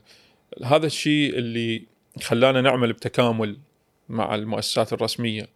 إحنا الآن في كثير من الخدمات كانت وزارة الصحه تضطر تبعث المرضى إلى خارج البلد. الآن بدأت تبعثها المؤسسات كان تبعث المرضى خارج البلد. يعني هي الوزارة تتحمل نفقات بس تبعثها إنه فهذا التعاون والتكامل طبعا الموضوع مهم جدا ملف اسمه الإخلاء الطبي ملف استقدام يجيبون خبراء هم الوزارة تجيبهم ويدربون وياهم كوادرنا المحلية ويعالجون مرضانا أيضا في مؤسساتنا. فهذا التعاون المستمر طبعا هو هذا مصدر قوة مصدر قوة إن لذلك إحنا نشعر إنه إحنا إحنا مكملين مكملين للجانب اللي هو الجانب الأكبر طبعا. أكيد ما تحس آه، أكو خلينا نقول تضاربات بأماكن معينة بالمحصلة؟ أتصور من المحتم إنه يكون أكو تنافس على شيء معين. يجوز أوضح شيء هو بلي. الأطباء بالمحصلة والكادر. فشلون تدير هذه الشغلة وشلون تدير هيك علاقة؟ اللي طبعا بالنسبة للكوادر هو فعلا الكوادر واحدة من التحديات إنه شلون تخلي الكادر عندك حتى يصير مكان عمل واحد عندك وناس طبعا هسه الآن فرصة كبيرة صارت إجازة خمس سنوات. الحمد لله أعطت فرصة كثير من الموظفين إنه يأخذ إجازة خمس سنوات حتى يتفرغ رسميا ويعمل في المؤسسه وزير الصحة أيضا آه، يعني جدا متعاون هم بهذا المجال. حتى قال إذا ناس عندكم نريد نسوي لهم تفرغ والاجازات نسهل عليهم الإجازات حتى يتفرغ للعمل هنا. نحن أغلب كوادرنا وإحنا آه، عراقيين موجودين هنا. معانا تخصصات كثيرة ممكن يعني مواطننا العراقي ما يرغب يترك مثلا ممرض الممرض مو من السهولة مثلا يترك آه، وظيفته الحكومية ويجي لهنا فمستعينين بممرضين أجانب. إحنا عندنا ملف كبير أيضا ملف التوحد. مشاريع التوحد اللي بالعتبة كبيرة جدا. والآن الأكاديمية مال التوحد صار لها يعني فوق سنة ونص من اشتغلت. هي تصنع كوادر متخصصة في علاج التوحد وبنفس الوقت تعالج أطفال التوحد. فلذلك الان أكو ثمان مؤسسات توحد بالعراق تابعت لنا تابعة للعتبه هي قيد الإنشاء بعدة محافظات بالإضافة إلى الأكاديمية الرئيسية اللي بالمحافظه أيضا هذا جانب مهم جدا لأنه الناس المختصين في علاج التوحد آه، يعني نادرين ومن ما نحصلهم في أي مكان. 100% منصبك اليوم آه، كمو بس آه، مدير لهذه المؤسسة ومستشفى ومستشفى واغث العلاج السرطانية إنما رئيس لهيئة الصحة والتعليم الطبي بالعتبة الحسينية اللي هي تدير كل هذه المستشفيات اللي ترعاها آه، العتبة بالإضافة إلى آه، مصانع دوائية إلى أقسام آه، وأكاديميات طبية تدعمها أيضا العتبة شو وقت صار هذا التحول من مجرد المدير لهذه المستشفى إلى رئاسة هذه الهيئة وشلون تنظم بوقتك بين كل هذه المؤسسات؟ طبعا إحنا ما صار يعني هاي الأشهر الأخيرة خلال هاي السنة اللي صارت هاي الانتقالة فهو حتى مقر الهيئة هو في مؤسسة وارث. حتى أقدر أو يعني أوائم بين الاثنين فترات جولات على المؤسسات الخارجية وفترة عمل في في المؤسسة هنا. أه والحمد لله يعني إحنا ساعات عملنا مفتوحة هو من الثامنة إلى ال 12 ليلا. ومعد عادي يعني ممكن تجي هنا مثلا تأخذ موعد في يوم من الأيام يقولوا لك ب 11 بالليل. يعني تعال يوصل لك السنة فطبيعي جدا يعني لأن آخر اجتماع معدل يعني ينغلق ب 12 بالليل فبس هذا كله شلون تكلمنا بالأول إنه الشغف اللي موجود مخلينا نشتغل كل ساعة عمل ف فهو كأنما هو ثلاث دوامات مو دوامين. وارث والهيئة إذا ممكن بعد شيء ثاني وياها ممكن إن شاء الله نلحق عليه.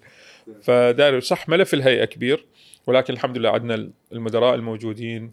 يعني إحنا نظامنا بالإدارة هو ال management by objective يعني ما راح أدخل بال micromanagement أدخل بتفاصيل وي مدراء المؤسسات الأخرى ومدير مؤسسة أنا علي ان أوفر له الدعم ونقعد نكتب الرؤية مالتنا سوية ونحدد الأهداف مالتنا حتى نساعد لتحقيق أهدافنا. ما راح أكيد ما راح أدخل بتفاصيل دقيقة بالمستشفيات الأخرى ولكن أكو أهداف معينة هم المدراء مطالبين بتحقيقها وإحنا دورنا بالهيئة أنه شلون نساعدهم حتى نوصل هاي الأهداف. وخلال الفترة هذه بلشنا بنظام إدارة شوية مختلف صح أخذ من عندنا وقت بس إلى أن نستقطب آه، في بعض الأمور شوية الحساسة في المجال الصحي في مجال الجودة الصحية مجال إدارة الموارد البشرية الطبية مجال السيطرة على العدوى ذني مجالات ذني هن اللمسات اللي ينطن التميز للمؤسسات.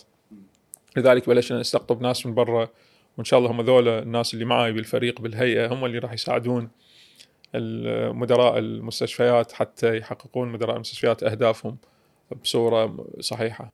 زين آه يعني إحنا الفريق آه شفنا المؤسسة زون المستشفى أو مفاصلها الكل يعني خلينا نقول مرتاح إلى حد كبير يعني والموظفين آه، مبينين انه هم آه، مهتمين بشغلهم ولهم شغف عملهم يعني. آه، وكل شخص أحكي وياه عن هذه المؤسسة سواء من مرضاها سواء من الناس اللي يشتغلون وياها. يكون الانطباع مالتهم كلش لطيف عنها وكلش إيجابي زين. آه، فأتصور مو صعب إنه أوصل للاستنتاج إنه جنابك يعني مدير زين أوكي؟ آه، بس هذا شوي يتضارب ويا الصورة النمطية اللي عندنا إياها عن الأطباء آه، خصوصا هواي من رواد اعمال أحكي وياهم اصحاب العمل يقولون أنا ما أريد أشتغل يا طالب طب أو أنا ما أريد أشتغل يا طبيب اللي ما يعرف يدير زين؟ أو ما عنده هذا الحس الإداري المحترف. ف شلون قدرت انه تطور من مهاراتك كمدير؟ وشلون قدرت انه تكتسب خبرة كافية بحيث تدير هيك مؤسسة وتديرها؟ إذا أقدر أقول يعني بنجاح نسبيا يعني. بالمعنى الحقيقي أنا مو مدير. زين. شلون لقبك منصبك مدير اي اكو بس لا راح تقول أنا قائد هو الحقيقة اللي يسموها الإدارة بالإلهام هي أفضل أنواع الإدارة. هو شنو القائد؟ حتى مصطلح إنه أنا قائد أنا قائد لو مدير. ال الناس عندها عندها المهارات عندها القدرات. اختيار مو مو اعتباطا إن يكون يعني بالمجال العمل هنا. بقى الدور اللي يقود هذا المجموعة. لذلك مصطلح أنه أنا قائد أنا مدير هو فعلا أنه اللي يقود ذول المجموعة. لذلك مو قضية اللي يديرهم. يديرهم أنت لازم تبقى آه، عينك عليهم وأنت بيدك تحرك تدير من الدوران الرحى لازم بس توقف توقفت العجلة وتبقى بس تتحرك إلى أن تتعب إيدك. بس طبعا القيادة الموضوع مختلف.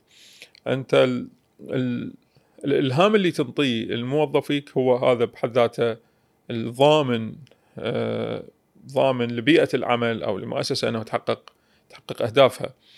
لذلك موظفين الحمد لله القدرات اللي عندهم هم يحبون عملهم ويحبون يحبون تخصصهم ويحبون المرضى اللي موجودين وياهم. انت مجرد وفر له بيئة العمل بيئة العمل المناسبة وهو يطلع الإنتاج فشلون يعني هو تستقطب ناس أنت تحس أصلا بيهم هذا الحب أو الشغف لو أنت تبني بيهم هذا هذا الشغف. البذرة موجودة إحنا نساهم في تطويرها أيضا. طبعا في في ناس استقطبناهم بالاسم لنعرف مثلا هم في مكان عملهم شنو وضعهم فاستقطبناهم بالاسم. وكثير صارت يعني صدف لقاء مع موظف معين.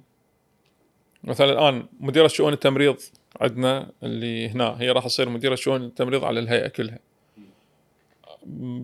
قبل مو هاي زيارة الأربعينية راحت قبلها.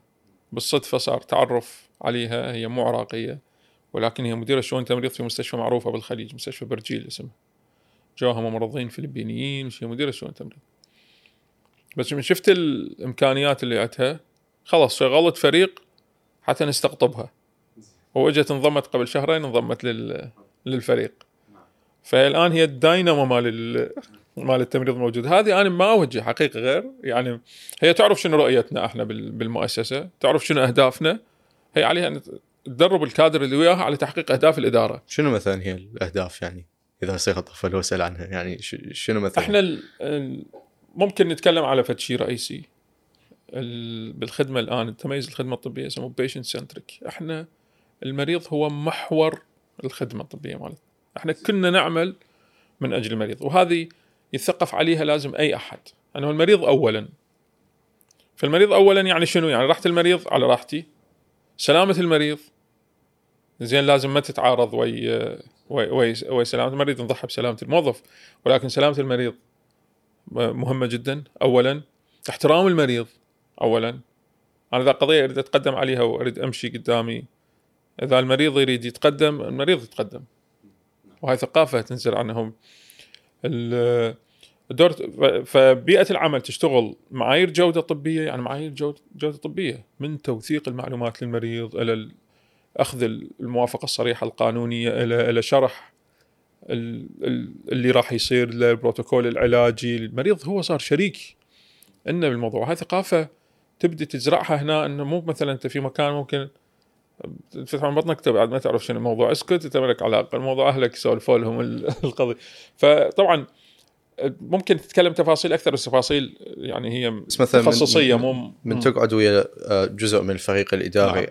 شنو تشيك شنو تشوف آه، يعني إذا دي وفي شنو هي الأهداف اللي تمشي عليها بإدارتك يعني نعم ال ال- المعايير لكل وظيفة إحنا الآن بلشنا في مؤسساتنا لكل وظيفة لها توصيف وظيفي. ال job description كل وظيفة. بحيث الموظف إحنا خلال اظن الشهرين ثلاثة الراحن وظيفة وظيفة كمل التوصيف الوظيفي؟ ويجي الموظف يعرف أنه هذه مهامه المطالب بتحقيقها. زين من أعلى سلطة تنفيذية إلى أي موظف موجود بسلم بهذا الهرم الموجود. أنه يعرف التوصيف الوظيفي. إذا عرف التوصيف الوظيفي خلص عرف شنو تقييمه. فأنت التقييم مالتك راح يصير موظفيك حتى من أقعد مع رؤساء الأقسام. هو عنده توصيف وظيفي معروف هو يعرف شنو مهمه شلون تحلل يعني بين التوصيف الوظيفي وبين إذا دي يؤدي هذه الوظيفة؟ يعني المقياس شلون تصير؟ المريض تطو يعني feedback هيك form لو شنو؟ لا هذا المريض طبعا. إحنا ما نتكلم بس على المريض. الموظف تدري أكو أمور يقدم خدمات كثير هي مو المريض ما ممكن يقيمها.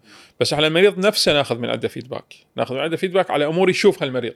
بس كثير من الأمور ما يشوفها المريض الأكل من يجي للمريض هو ما يدري هذا شلون تحضر له الأكل. زين ممكن يتعامل يقول لي يقيم لي طعمه لونه شيء بس هو ما يدري هل تحضر في بيئة آمنة. ال- الشرشف من يجي المريض ينام على الشرشف هذا هو ما يدري هذا شلون تعقم الموظف وش قد شو استخدموا للمواد؟ وش قد بقى بيها درجة حرارة؟ هو راح يشوف إنه أكو بقع بيه لا ممكن يقيم. فإحنا أكو شغلات يشوفها المريض ناخذ رأيه بيها وعندنا ال- السيرفي اللي نسويه على المرضى. وال والباقي مو شغل يعني مو المريض اللي راح يقيمها. راح يقيمها كل موظف عنده المسؤول مالته المباشر. زين؟ والم... والمسؤول المباشر اكو موظف اكو مسؤول اعلى من عنده عنده اهداف لازم يحقق عليها النقاط اللي يريدها. لذلك إدارة الموارد البشرية عندنا إحنا عندنا إدارة موارد بشرية طبية جدية تكلمنا بها قبل قليل. اللي هاي ثقافة إدارة الموارد البشرية اللي موجودة اللي نوعا ما إحنا عندنا بالعراق أو مؤسساتنا عندنا نسميها شؤون.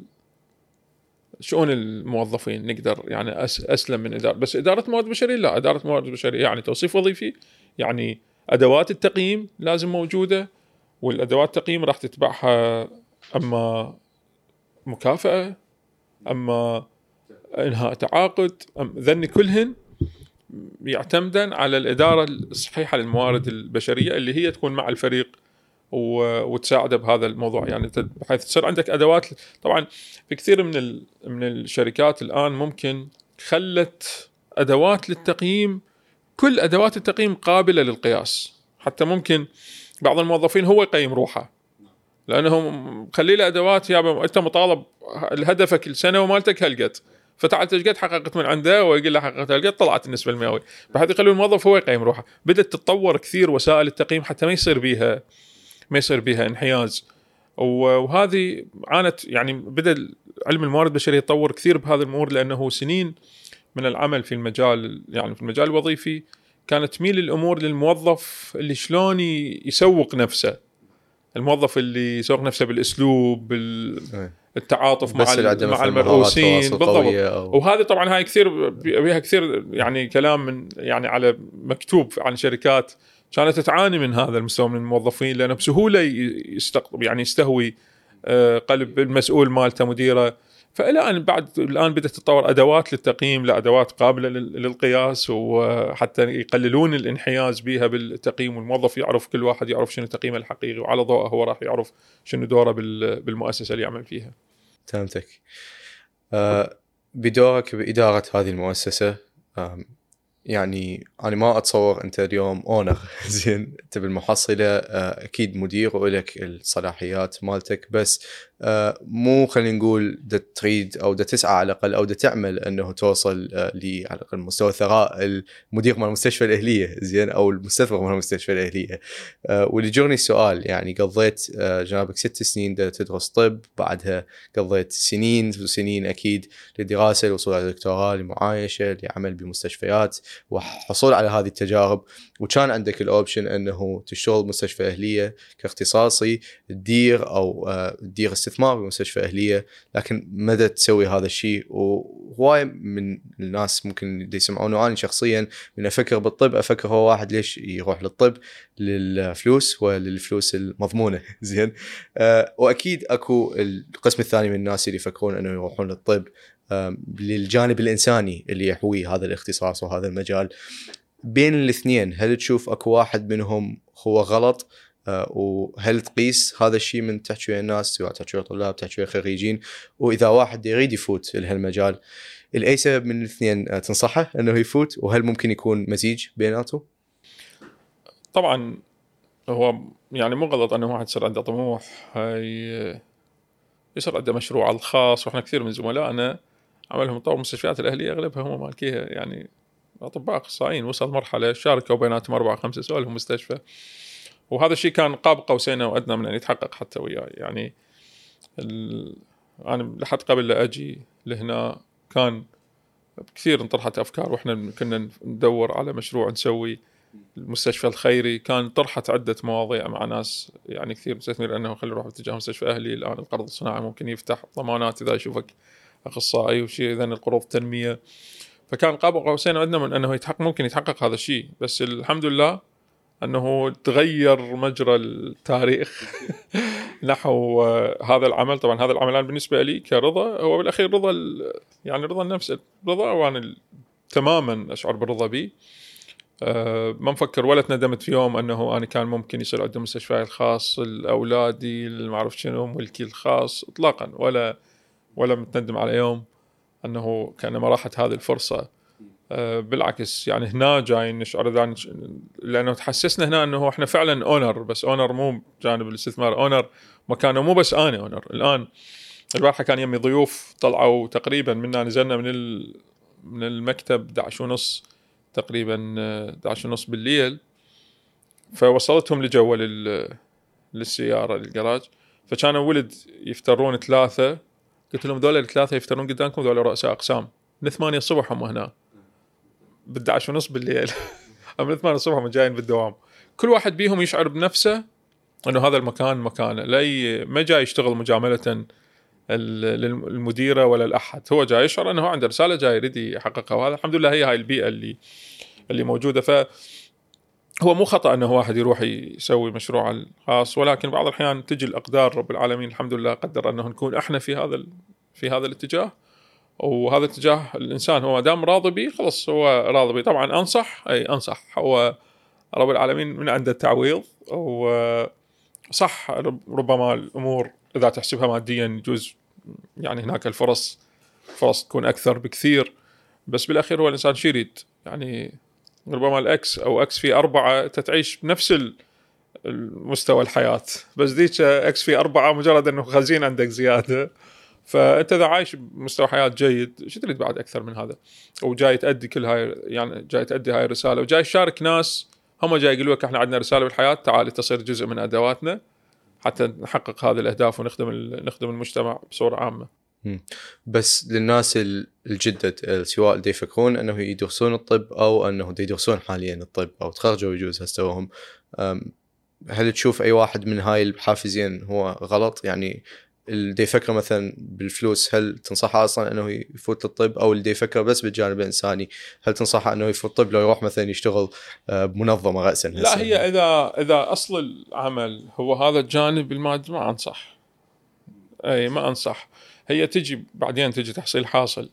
بس نصير هدف آه، لا راح يبقى دائما آه، ينظر إلى إلى المريض كزبون. هل هذا الشيء غلط؟ وهذا هو راح يفقد الروحية مال المهنة قدر الإمكان. بس يعني مال هو طالب يفكر اني يمتى اكون وحتى أروح وهذا التخصص. ليش إذا يعني هواي أعمال الآن ممكن أنه يحصل بها مردود مردود جيد؟ إذا هي القضية يعني بيور أنه هي فقط خالصة لجانب مادي أنا أريد أدخل بهاي المهنة حتى هاي المهنة بيها إيراد. ومن يقول إيراد بيها؟ هسه الآن صارت آلاف الأطباء. من يقول للمستقبل الوضع بنفس الوضع هذا يعني؟ آلاف الأطباء وتنافس يعني صعب جدا ممكن بالمستقبل. كم واحد من ذولا راح يدخلون راح يوصل إلى مرحلة يصير طبيب مميز و يعني القضية مو بهالسهولة هذه. فأنا واحد يدخل بالمجال الطبي فقط حتى يكون وضعه المادي أعلى أه لا حريمه تفقد روحيتها تفقد روحيتها من هي تحصيل حاصل ومن تجي تحصيل حاصل مو عيب يعني يجي واحد طبيب ناجح يجي إيراد مو عيب هذا يعني هو نجاحه جاب له هيك بس هو يصير هو هدفه هذا الموضوع آه، تفقد المهنه تفقد روحيتها. بس هو يعني أنا دائما يتراود ببالي هذا السؤال ليش أكو هالتركيز خصوصا بالطب مثلا على روحية هذه المهنة؟ يعني مثلا بحالة الصيدلي إحنا ما نقول إنه الصيدلي لازم يكون عنده روحية. بحالة آه، غير مهن هواي منها عادي أنت بالمحصله طبيعي إنه يجيك المريض وتعتبر آه، زبون. يعني أكو شيء هو خلينا نقول من أساس الطب مختلف بحيث هذه الروحية تكون مهمة شنو راح يأثر؟ القلوب مكسورة المريض هو يعني حتى رب العالمين أكو حديث قدسي يقول يعني ما ذكر نصه بس من يقول إنه تجدني عند المنكسرة قلوبهم. هو المريض يجيك مريض بعد خلص تسلم ما عنده هو يتوقع إنه بيك الأمل. آه، فأنت تخيل قدامك شخص جاي هو زارع كل امله بيك يتصور إنه أنت المنقذ ممكن توصل مرحله مو بس تخفف عنه ألم لا يتصور حياته كلها يمك خلص أنا سلمت الأمر بيدك. وكثير من مرضانا يقول دكتور لا لا تعطيني خيارات. أنت بعد يمك أنا أعتبرني أني يعني أبوك أو أمك شيء نصا يقولون لنا إياها وأنت تصرف بالشيء اللي تشوفه صح تخيل أنه هاي مهنة مو مو سهلة يعني لازم يدخل بها الجانب الانساني الإنسان هو عواطف. لازم يكون بها جانب إنساني. لازم تكون محفز أنه تبقيه عايش يعني لأن هذه اذا مات يعني أخسر زين شو المشكلة؟ لا وأنت بعض الأحيان يعني عايش ما تجلب من عنده غير الألم. تدري كثير من مرضانا ما بي هو شغلته منتهية. والله كل ما يجي ما له حل. يعني انت بعض الأحيان مو كل مريض ترى تتمنى إنه يجيك لأنه ما له حل. مو مو بسبب نقص عند الطبيب ما عنده قدرات بس هو علميا واصل مرحلة طريق مسدود. ويوميا يجيك وأنت ما عندك حل للموضوع. فما تتمنى تشوفه. هي مو قضية. بس لأنه ما عندك حل. فهو مو كل مريض بالعكس انه يبقى وياك. تستفيد منه. فتخيل إنه هذه المهنة إنه الإنسان اللي جاي لازم يدخل بها الجانب الإنساني. يعني هو جاي يتعامل مع حاجة إنسان بصورة مباشرة مو حاجته لخدمة غير مباشرة مو حاجته على مود تبني له شيء أو تصلح له سيارته. لا هو بالذات نفسه الإنسان نفسه. فطبعا هذا الجانب الانساني ممكن إنه يعني تفك الارتباط عنه عن عن الطب. وصلت. وال الفئات مثلا اللي تريد أنه تفوت. للضمان المادي مو إلا النجاح المادي العظيم آه. انما بس الضمان اللي عيشك عيش عيش كريم يعني.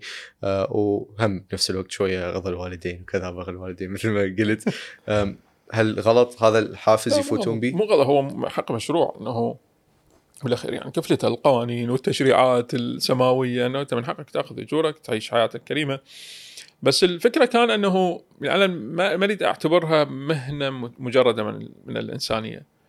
آه الموضوع هنا مختلف تماما. أو هي تكون غاية. يعني أني خل أسلك كل هذا الطريق على مود أحسن الوضع المادي. لاني بهاي السنين كلها اللي خلصتها يعني حريم واحد يتحسف على حياته بعدين اللي خلصها. كل هذا الطريق وتشقد الانسان يمتى يصير أخصائي.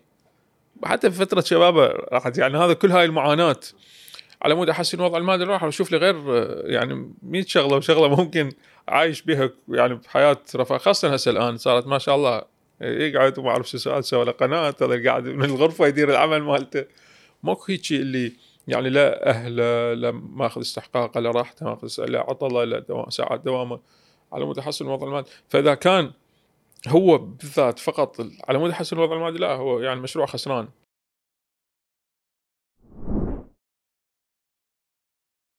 طبعا من المشاريع اللي الآن إحنا قيد ال... قيد الإنشاء. عندنا مستشفى لجراحة القلب مستشفى خاتم الأنبياء مستشفى كبير جدا أكبر مستشفى جراحة قلب راح يصير بالمنطقة 158 سرير. هذا راح يوفر خدمات عمليات القلب المفتوح للكبار والأطفال. عندنا مستشفى الجهاز الهضمي وزرع الكبد آه، أيضا في كربلاء. عندنا المستشفيات الثانية في في محافظات. مراكز التوحد آه، أخذت يعني حيز كبير جدا. عندنا مرضى من عدة محافظات يجون المراكز التوحد. أكو خدمات بدينا نوفرها هي خدمات وقائية. يعني أنا ما أريد المريض بس يتمرض حتى يجيني. أنا ما أريده يتمرض. لأن بالأخير أنا مؤسسة هو مؤسسة خسرانة. فلو ما يتمرض أحسن لي. مثلا بلشنا برنامج الكشف المبكر عن الأورام. آه، الكشف المبكر عن أورام الثدي الكشف المبكر عن أورام الرئة. أورام الرئة صار بالتعاون مع جامعة ليفربول. حتى ننشر ثقافة الفحص المبكر للناس. هذا حتى لا سامح الله ذاك فشي بسيط ممكن يروح يخلص من عنده قبل لا يعني يستفحل الموضوع ويصير زبون دائم. آه، هذه طبعا هذه بالكامل مدعومة من قبل العتبة. عندنا برنامج الآن مركز كملنا التصميم مالته اللي هو مركز اسمه المركز العراقي للأبحاث الجينية. لأنه الآن كثير الطب اتجه باتجاه الخريطة الجينية للمرض والموروثات الجينية للمريض. ف بلشنا بهذا المركز اللي هذا راح يصير قاعدة بيانات عندنا إن شاء الله كل الأمراض أغلب الأمراض الموجودة وشنو علاقتها بالموروثات الجينية وكيف نقدر نتجنب المرض قبل أن يقع أو ننصح العائلة أنه أنتم إذا صار عندكم طفل تعالوا افحصوا الطفل. بعد فترة حياته الجنينية حتى نقدر نتلاحق اذا شيء متقدم. آه هاي الخدمات كلها خدمات وقائية للمجتمع إن أنت تحاول أنه تمنع انتشار الأمراض قبل قبل وقوعها. هو حبين إعلام بس أنا ما سامع. آه، أكو أكو مركز جيني بالعراق أصلا؟ ما موجود. عندنا إحنا بلشنا فحوصات جينية. عندنا حملة هسه بلشنا بيها اسمها الخريطة الجينية للأورام. هاي الحملة مدعومة بالكامل من قبل العتبه هاي فحوصات جينية كلش غالية. فالعتبة تكفلتهم. وبلشنا لمدة سنة راح نبدي لنجمع كل بيانات الخريطة الجينية للأورام هنا يمنا حتى نحدد النسب الموروثة من عندها راح تصير حملة كبيره كبيرة جدا. بس من يكمل المركز مركز الأبحاث الجينية هو راح يكون آه، كل التفاصيل التحاليل الجينية راح تكون يمه. وهذا مشروع طبعا مشروع كبير جدا وواعد. إحنا أيضا آخر مركز افتتحناه قبل أسبوع هو اسمه مركز اعتلال الأعصاب والعضلات. هذا أيضا من من الأمراض الموروثة اللي تصيب الأطفال ويبقى الطفل معاق إلى أن يكبر. هو هذا ذا يشخص بصورة مبكرة ممكن يتعالج. فجبنا خبراء بهذا المجال معاهم يعني عندنا شبابنا العراقيين من نفس السياسة لا جيب خبير وخلي وياه اثنين ثلاثة من عندنا. فجاء خبير من سنغافورة عندنا الفريق اللي راح يقود المركز واحد من سنغافورة وانجلترا واليابان ومصر. وبلشنا بالأسبوع الأول لانطلاق هذا المركز رغم أنه هي أمراض نادرة. 120 آه، مريض تم جمع آه، بياناتهم. وأيضا راح نبلش فحوصات الجينية لهم. هذا بالتعاون مع مختبر باليابان. هو راح يسوي لنا الخريطة الجينية لهذا المرض حتى نحدد أفضل أفضل علاج آه، له الميزة هي كل هذه المشاريع أنه الآن إحنا تقريبا 16% من من مرضانا هم من كربلاء. 84 ل 85% من مرضانا من خارج من خارج كربلاء. فعندنا مرضى من يعني من 18 محافظه عراقية بالضبط. بس الآن إذا تأخذ لك جولة تشوف ممكن تشوف أكراد تشوف ناس من الجنوب. فذني الخدمات النوعية هي صارت جزء من من أهدافنا. يعني تم مركز اعتلال الاعصاب والعضلات ماكو مؤسسة ممكن يعني مؤسسه ربحيه ليش أطب مركز اعتلال الاعصاب فشغله معقدة جدا حلها مو سهل. وممكن ما لها حل ممكن. بس هي لأنه رسالة العتبة هي هذه إحنا نريد مجتمع آه، سليم نريد نوفر حلول للمجتمع آه، حلول سهلت ال- الحصول يعني الحصول عليها سهلت الوصول إلها آه، كلها ممكن تتوفر داخل البلد. جبنا الخبراء اللي نحتاجهم هنا. وندعم المريض وممكن نبدأ نقلل يعني عندنا مثلا مرضى ثلاسيميا. مرض الثلاسيميا اللي هو هذا فقر الدم هو مو مرض خبيث. بس بالعراق منتشر كثير. وللأسف لأنه ما عندنا برامج وقاية أو تشخيص نسميه ما قبل العلاج فالمرض مستمر بالصعود وهذا المريض ما له حل. يعني هو يبقى عايش حياته يبدل دم. فأطلقنا برنامج الآن إنه نسوي لهم عمليات زرع نخاع عظم. الآن عندنا فريق إيطالي موجود حاليا بمركز زرع نخاع عندنا مركز زرع نخاع العظم هذا واحدة معزول اسمه مستشفى الامام المجتبى بها فريق إيطالي الآن. وبدينا اختيار مرضى من عدة محافظات عراقية لزراعة نخاع. وهذه أول مرة تحصل لأن مرضى الثلاسيميا تجرى لهم عمليات زراعة نخاع العظم. ومع برنامج الثلاسيميا الكامل هنبلش فحوصات أيضا ما قبل الزواج اللي نحاول نثقف المجتمع عليها. ال- الآن خاصة إذا بالعائلة أكو هذا موروث اللي يروح يتزوج يروح يفحص هو وزوجته. ويقعدون يتفاهمون بيناتهم. يابا إحنا إذا تزوجنا أطفالنا كلها راح تطلع هيك نتزوج لو كل من نروح بحال سبيل لأنه مش أو ما يخالفون لأنه كثير من المجتمعات مثل قبرص وصلت صفر الآن بهذا المرض. هو هذا يصيب منطقة الحوض البحر المتوسط أكثر شيء الدول اللي حوالين البحر المتوسط منتشر بها أي أكثر شيء منتشر بهاي المنطقة. ف صفر نسب الإصابة بها لأنه علني ما بها يعني خلوا تشريعات روح أفحص قبل الزواج. إذا عندك هذا المرض إذا أنت حامل اللي يسموه حامل للجين هو ما يدري عنده مرض بس هو حامل للجين. إذا زوجتك هم حامل للجين خلاص الطفل حتما طالع به فيخيروهم بعد من يتزوج. يقول لك أنا أطفالي راح يبقون عايشين حياتهم بالمستشفيات بس يوميا بدل لهم دم. فصار فاحنا ما عندنا هذا. فإحنا نحاول أنه جزء من رسالتنا المؤسسة أنه إحنا نريد المجتمع يتخلص من هذه الأمراض فراح نوفر لهم أيضا السبل للتخلص من حتى تقلل نسب الإصابة. بالتالي كمؤسسة أنا ما أريد المريض يتمرض ويجيني أنا ما أريده يتمرض. لا أريده يتمرض ولا يجيني بعدين يجيني يسلم عليه. إي. أه حكيت عن الخدمات النوعية. أه وهاي كلها إحنا نحكي عن خدمات نوعية أه وجديدة بالعراق وما صار لها انتروداكشن قبل بهالبلد. بس همينة يجي ببالي سؤال وأني أحب أحامي الشيطان فتحملني أكون محامي الشيطان. ليش ما مثلا بدل هذه الخدمات صار عندكم مثلا تركيز على الخدمات العادية آه، على العمليات العادية على الامراض العادية اللي تكون آه، مو- موجودة بالعراق ظاهرة بالعراق؟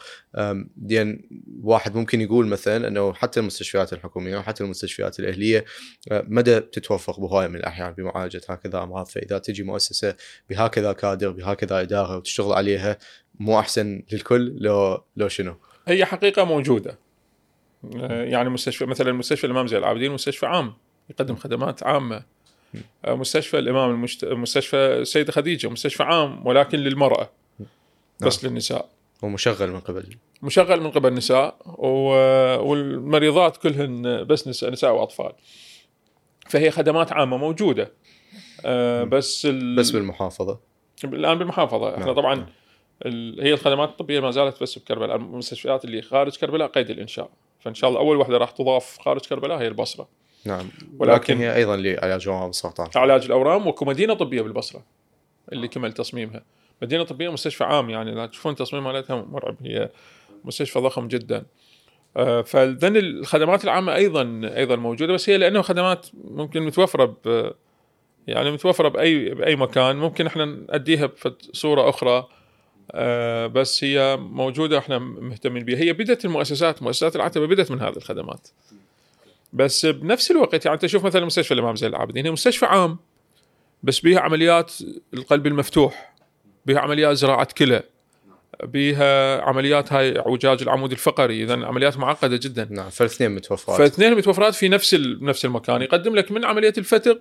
إلى عملية ال- القلب المفتوح. بس كتوسع تشوفون أنه النوعية هي نعم الاهم التوسع التوسع نحو المراكز التخصصية. حتى المستشفيات العامة الجديدة اللي الآن مثلا تصاميم حيث صارت التصاميم بهالصوره هذه. أنه مثلا المدينة الطبيه بالكوت مدينة الطبيه بالنجف هي هي عام بس مو بنفس المستشفى عام. يعني هي عبارة عن خمس مستشفيات كل واحدة مغطية تخصص. لأن هذه فرقة كثير هو الطب راح باتجاه التخصصات الدقيقة. يعني ما كان مثل وتدري قبل بدا مثلا ابن سينا هو عالم تدري هو طب هو فلسفة ورياضيات هو شوي شوي الان الطب الحديث بعد ماكو شيء اسمه باطنية عامة جراح عامة يعني بدات تخصصات دقيقة باستمرار وكل ما يتقدم الطب وهذا طبعا على ضوء هذه حتى تصاميم المؤسسات الصحية الجديدة بدأت تتغير نحو مراكز تخصصية أكثر فإحنا جاي نواكب هذا التقدم اللي جاي يصير. وجهة نظرك هسه بغض النظر عن أكيد المؤسسة اللي تعمل بيها آه، والشغل اللي تسويه لكن هل يعني أنت مؤمن بفكرة المستشفى الأهلية؟ لأن وايد الاحظ من هذا الكلام هو يعني أنه الطب مثلا مهنة إنسانية آه، وأنه أكو تعارض ولو بسيط لكن موجود بين الربح وبين يجوز الخدمة اللي تقدم آه، للزبون. لأن بالمحصله أحسن المستشفيات يجوز أن نعرفها على الاقل بالعراق وإذا انظمه مؤسسه الوارث بها هي مستشفيات غير ربحية. ف شنو برأيك؟ هل مع ذلك تلعب المستشفيات الأهلية دور؟ لو من منظور شوية فلسفي إذا نفوت لها فهي فشي غلط. لا طبعا إحنا اثناء الكلام قبل شوية تكلمنا انه هذا الفراغ الكبير الكبير ما تسده جهة واحدة. أه تبقى كل يبقى كل قطاع هو ماخذ جزء من الحمل اللي موجود. والمستشفيات الاهليه تبقى مستشفيات أهلية سادة جزء كبير من هذه الجبهة الواسعة وهو عمل يعني عمل عمل مشروع يعني ما بي بس إحنا طبعا رغبتنا انه يعني صح مو من المنطقة إنه واحد يروح باتجاه الجشع أو مو من المنطقة إنه واحد يروح باتجاه إنه أنا أقدم خدمة واطئة الجودة على حساب الكلفه تدري بعض الأحيان أنا ممكن أسوي لك مكان نظيف وحلو بس آه أنا ما أشتغل بشكل نظيف وحلو. ما أشتغل فعلا ما لأن شيء غير مرئي. انت تتخيل أنه هذه المؤسسة إيش قد قيمة التعقيم والتنظيف مالتها الشهري شهريا؟ زين. إيش تتخيل؟ شنو رقم لها ساعة تضربني بيه ما أدري. 10000 دولار يعني 100 مليون. شهريا. 100 مليون دينار. 100 مليون دينار. واو. لأن أنا ممكن ما أجيب هاي المواد اللي جاي أجيبها. زين ممكن ما أجيب كل هذا الكادر اللي ينظف هذا الكادر ممكن أستخدم نفس ال... الوصل اللي أستخدم بها تكرم الحمام ممكن وتطلع ينظف غرفة المريض بنفس الوصلة. وممكن هاي الوصلة هي نفسها ثاني يوم أمسح بها هذني كلهن هذني كلهم مستهلكات. يعني من أضرب أمثلة. ف بس من أريد أشت... من اريد أجي أطلع نتائج لازم أشتغل بهاي المواصفات. فأنت ممكن تشوف مكان جميل بس هو العمل مالته مو لذلك أصل القطاع الخاص لا بالعكس عمل مشروع يعني جبهة كبيرة جدا ولكن هو آه، هو بحد ذاته هو عمل جيد وعمل مشروع. على إذا كان فعلا يحمل هاي الرسالة الثانية إنه اريد اقدم خدمة للمريض خلي اقنع بفد شيء بسيط ممكن يجيني حتى المريض مريضي يستفيد المريض اللي ما ممكن إنه يروح بغير مكان ويحصل خدمة بغير مكان خليه يحصلها بالبلد. من آه، جانب تجاري شوي إذا نحكي أو بزنس هل راح تشوف هل راح نشوف فد يوم مستشفيات بالعراق آه، أهلية ويقدر واحد يحط المريض بيها وينشال الهمه بشكل كامل يعني وبشكل تام؟ آه، لو مستحيل هالشيء بغض النظر عن الضمان الصحي يعني فكره التأمين. أه هو صعب بس ممكن من تبدي تجارب هنا يعني هسه شلون تجربتنا هنا من تبدي الناس مستثمرين ثانيين يشوفون إنه هذا الشيء ممكن أكو ناس عندهم قدرة ويريدون يصرفون وكانت الفكرة شنو ما عندهم ثقة يعني باستمرارية ممكن ما عندهم ثقة. شوف بعض الأحيان المريض مثلا يروح لبنان أو يروح للهند يروح تركيا ياخذ وياه باع بيته باع سيارته أخذ له وياه 40 50 ألف دولار ويروح عادي يصرفن هو مسافر. وهناك يكيفون عبالهم ذا الفلوس ضامهن ما يدرون هو بايع اللي موجود ورايح فيصرفن ويجي بس من تبدي بمرور الزمن هنا تصير ثقة في مكانات موجودة محلية ويقول لك أنا بدل ما اني ذا جاي اصرف هذه.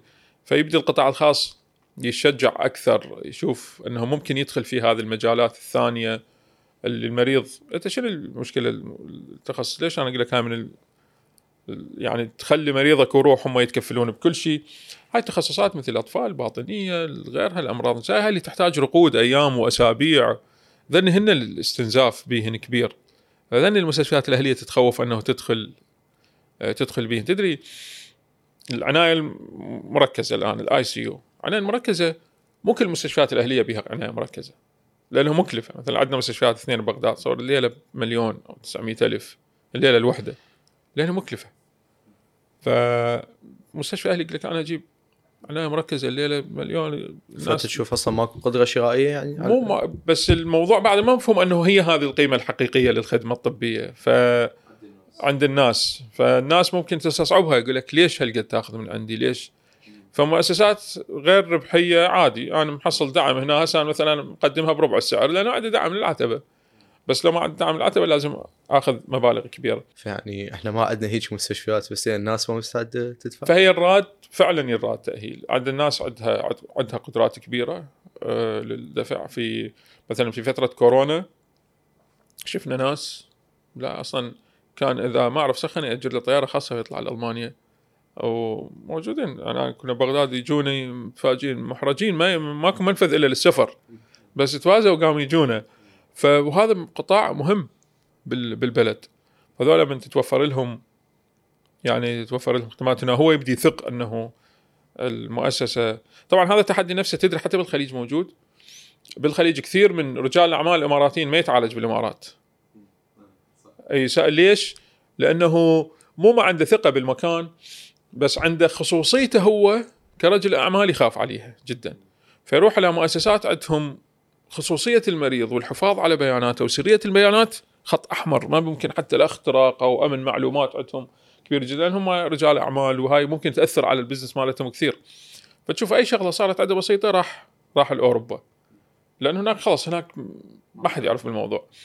فانت من تبدا توفر مؤسسات بهذا المستوى؟ طبعا أكو سوق سوق عراقي هو يقول لك أنا لا أريد لا تسولف لي. خيري ومشان ما قد اجور علاجي حاضر بس عالجني صح. فهمتك. فالعائق الأساسي هو انه مستثمرين ما مستعدين يعني مو جريئين كفاية نعم. أي نعم. يراد دراسة جيد السوق يراد إعلام جيد يراد مستثمرين عندهم القدرة والمرونة أنه ينتظر ال return of investment ما تكون يعني إعادة رأس المال المستثمر على مدى بعيد.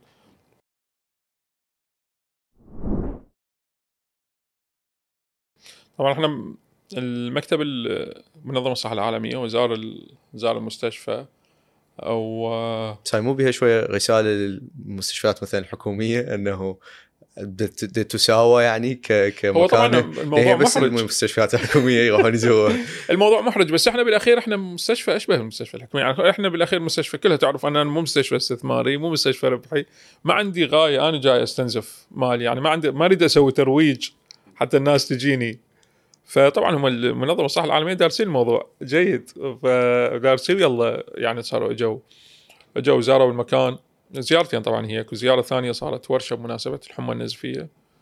هنا صارت المؤسسة وذيك الزيارة الأولى لا كانت جولة على على المستشفى كلها.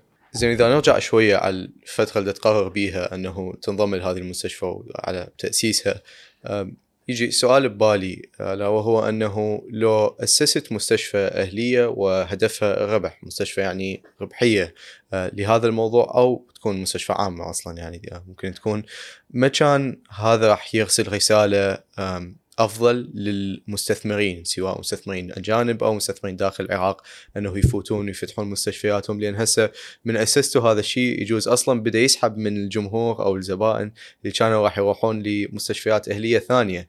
فبجوز هذا واحد ممكن يجادل أو يطرح النظرية إنه هذا قلل تشجيع المستثمرين العراقيين إنه يفتحون مستشفيات.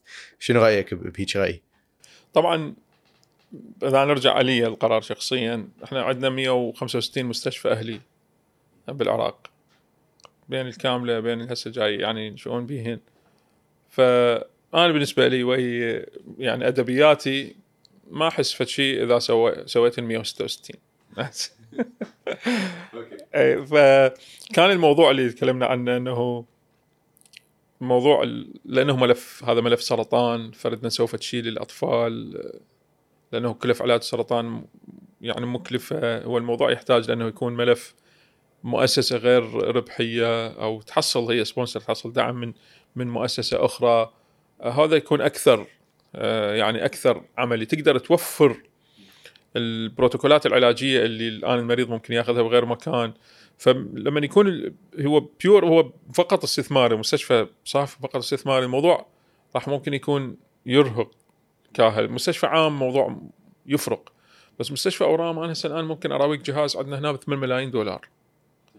ف في مو بالضبط مو مجدي هو يراد إنه بهاي الخلطة إنه هو مستشفى غير ربحي أكو مصدر عنده لل- للتمويل موجود.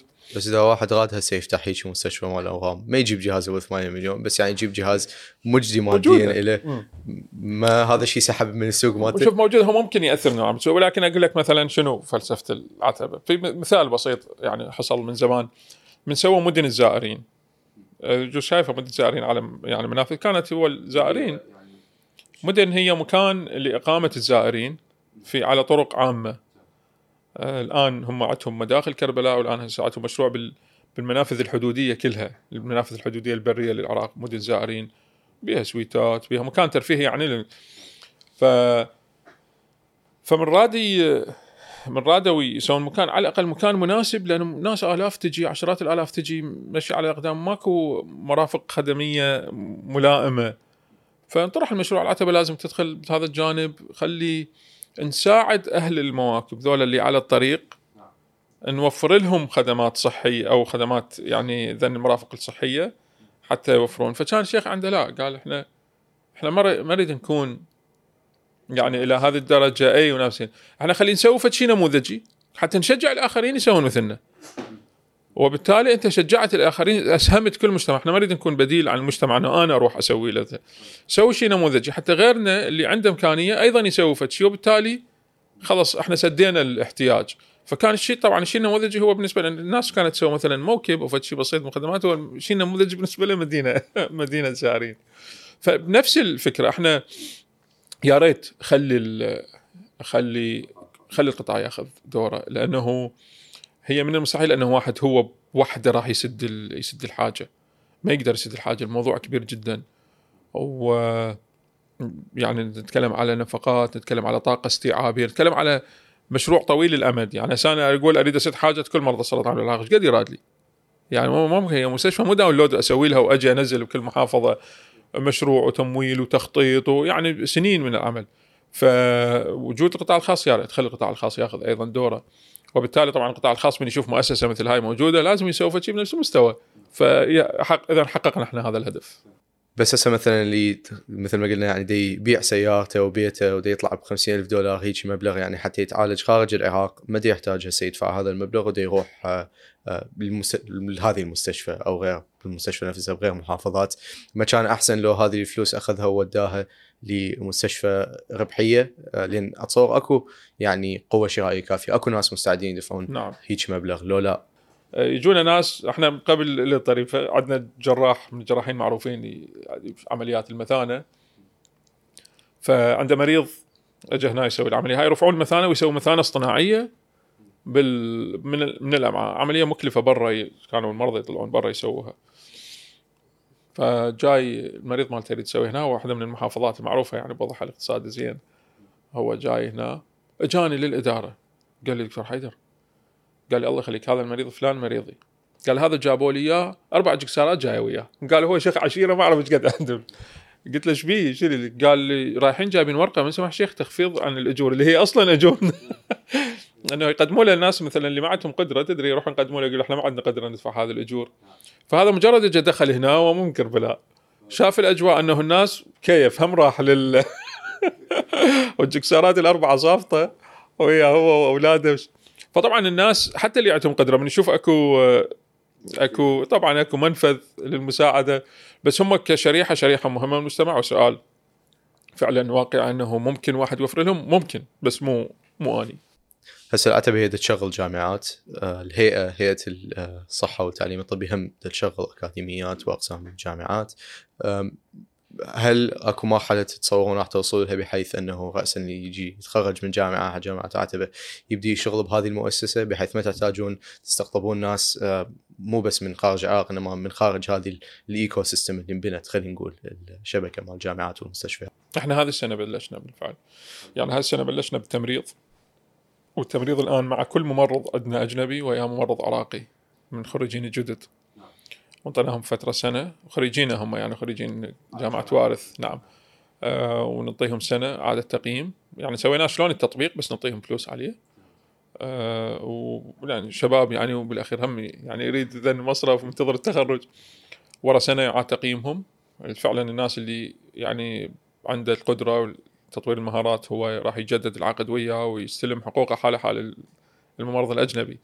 وكذلك بالتخصصات الأخرى تقنيات التخدير العلاج الطبيعي نفس الآلية.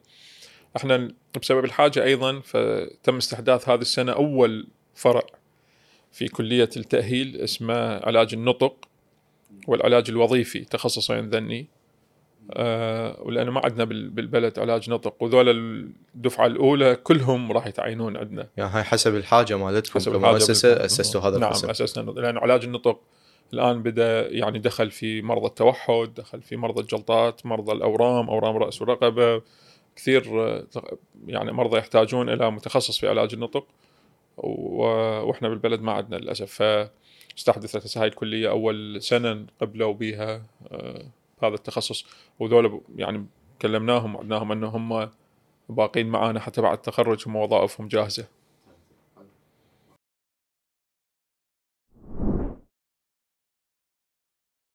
طبعا أكثر التحديات اللي عندنا هو بناء القدرات بناء الكوادر البشرية. أنت حتى تحصل على مؤسسة آه، تعمل بهذه المعايير ومنافسة للمؤسسات على الأقل الإقليمية أو الدولية فلازم عندك برنامج لبناء القدرات وبيئة عمل مثالية. إحنا لازم نبقى آه، البيئة بيئة العمل الأفضل لموظفنا وهذا طبعا هذا تحدي. يعني إحنا المنافسين عندنا القطاع الخاص منافس ممكن الحكومي لأنه وظيفة حكومية واستقرار بها منافس. الإقليمي أيضا منافس ممكن كثير من الموظفين عندهم فرصة الآن يروح بالخليج ويحصل وهذه موجودة. فإحنا هذه التحديات إنه إحنا الموظف اللي عندي أنا ما ينفع أنا مو مستشفى أهلي ثاني الموظف اليوم عندي واحد ثاني غيره. هذا أي موظف الآن هو جزء من لجنة معينة عدة لجان الآن عندنا اللي هي تعمل في في المستشفى. هذا لازم يوميا موجود جزء من هاي اللجنة وعنده مهام. ويدخل في برامج متابعة وتنفيذ وأكو أهداف عنده لازم يشيكها وأكو برنامج التطوير أو برنامج الحصول على شهادة الجودة الدولية JCI هذا رحلة يعني من 2025 إن شاء الله نخلصها. آه، ذولا كل الموظفين موجودين. فالموظف لازم عنده هذه القدرات اللي يقدر يعمل بهذا المجال. وبنفس الوقت هو باقي معاي. لأنه هذا التغيير الوظيفي غير غير مقبول بالمؤسسة. هو هذا التحدي. فأنا لازم أوفر له بيئة عمل لازم أنطيه الاستحقاق مالته ولازم أنفق عليه بالتطوير. فذن التحديات اللي إحنا جاي نعمل عليهن. إحنا الحمد لله بيئة عمل أنا عندي الآن موظف واحد من الموظفين الشاطرين جدا هو ممرض أورام لبناني. حقيقة من نشوف التقرير مالته من يكتبه من يكتبه ما تتخيل إنه هذا مرض. تخيل إنه طبيب اخصائي أورام أطفال.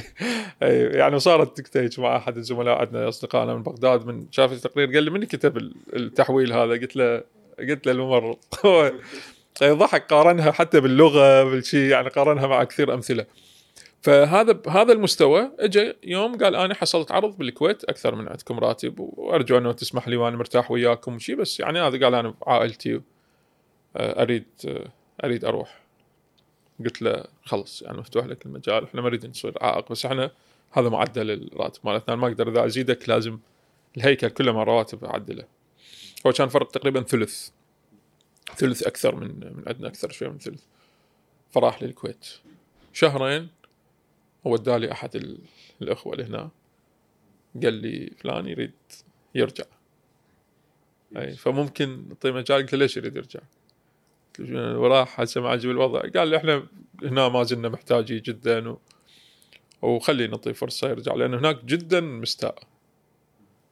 يعني يقول صح. هسه قال مستعد أضحي بهاي ال 30 فرق بس بيئة العمل اللي هناك أنا ما حصلتها هناك. هنا الأجواء قال ما كنت أحس بنفسي مغترب عن أهلي وغير عراقي يعني بس يقول هنا ما كنت أحس بنفسي أنا غريب عن أهلي. الأجواء اللي جاي اعيشها هنا مو أجواء عمل وأجواء أجواء اجتماعية الاحترام المتبادل. ضرب مثال أنه الاحترام شلون المكان اللي ساكن به ف فإذا تعطونا هاي الفرصة يعني أكون مشكور. صدق انطينا هسه رجع بلش مستشفى المستوى جاي يشتغل فهذا الشيء هذا تحدي إحنا شلون نوفر هذا البيئة؟ يعني بحيث يعني موظف فضلني على دولة على دولة أخرى راتبها أعلى من من عندي بشوية بس هنا أكو آه، أكو عوامل ثانية ممكن عوضتها عن هذا يعني عن هذا الفرق المادي. ذن التحديات. إحنا دائما نكون نحافظ على بيئة العمل الموجودة. بعض الأحيان أكو القضايا هي غصبا علينا تحدي. يعني ما نقدر نتجاوزها. تدري إحنا مثلا في بيئة مثلا في محافظة كربلاء الموظفين اللي عندي غير عراقيين. ممكن هو موظف برغبته إنه يطلع في مكانات مفتوحة يغير جو يغير تدري يعني الموضوع هذه موجودة كثير شباب من عندهم يريد يغير بس إحنا فارضين أكو أمور لأنه هوية المؤسسة ما ممكن. هذا الجواز سفر مالته ختم الفيزا هي العتبة الحسينيه المقدسه فما ممكن أنه تفسح المجال على مصراعي وبعدين ممكن يروح في مكان العتبة ممكن ما ترضى يكون بهذا المكان. والفيزا مالته تقول عتبة يكون شيء يقول لك هذا مو... يعتبره موظف بالعتبة.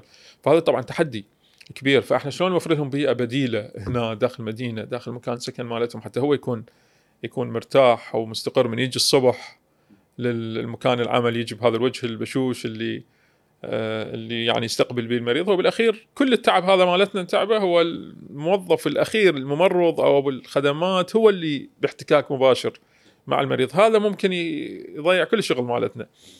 فطبعا هذا التحدي. إحنا التوسع الكثير بالمستشفيات التحدي أنه شلون نبدأ نهيئ كوادرنا. لذلك أسسنا الأكاديمية لعله نقدر نستوعب نسد الاحتياج على الأقل مالتنا. أكاديمية القياده الصحيه حتى نبدأ ندرب كوادر تقود هذه المؤسسات الكبيرة اللي هي قيد قيد الإنشاء. طبعا هذا يعني تحدي كثير ما اريد أتكلم على التحدي المالي إن شاء الله آه، يعني ما زال الدعم موجود ولكن هذا آه، هذا تحدي بالعمل مالتنا. إذا احتاجيتوا آه، بين ليله وضحاها تحولون من نظام غير ربحي إلى ما أقول ربحي بس على الأقل تعوضون التكاليف مالتكم. هل راح تقدرون تسوون هذا التغيير؟ وإذا صار هذا التغيير شنو المتطلبات راح تكون مثلا إنه تقللون عدد الأسرة شنو؟ صعب. أه صعب. يعني راح تفقد المؤسسة تفقد رسالتها.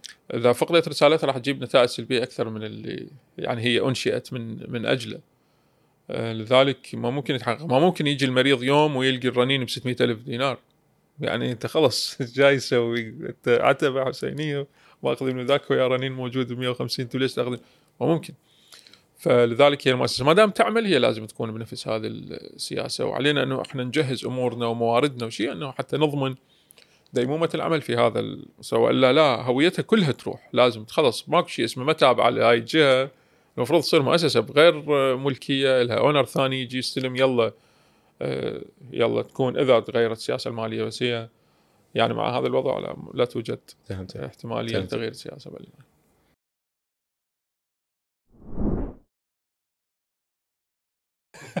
عندي مريضي آه، واحد من مرضاي من سهل نينوى نعم. هو مسيحي فمن آه، بغداد شفته من بغداد أنا كنت أيام أقعد يوم ببغداد هناك وأدز أول ما اشتغلت في المستشفى أفلتر المرضى وأدزهم لهنا بس بعدين بعد خلاص هي مشت المستشفى بس أول ما بلشنا شغل. فقلت له قلت له تتعالج هناك قلت له هاي تقنية مال علاجك بس بارث قال دكتور يا كربلاء قال أنا بغداد زين وصلت. فزوجته زوجته طبعا نصيحة قالت لي زين أنا قلت لها أنت بس هيك تخلين وصله على نفس اللي تلبسيها بالكنيسة ما لك علاقة. فالمهم قنعتهم إجوا هنا. وكان عندنا مجال يعني هنا سكن داخل المستشفى فبالليل يتمشون يعني أشوفهم باستمرار مرضانا هنا يقعدون بالحدائق. هو ست أسابيع طول العلاج مالته فورا يومين ثلاثة شفتهم هنا يتمشون بال بالحديقة. هو وزوجته سلمت عليهم شلونكم؟ شو الأخبار؟ قال لا دكتور الحمد لله. قال اليوم رحنا زرنا.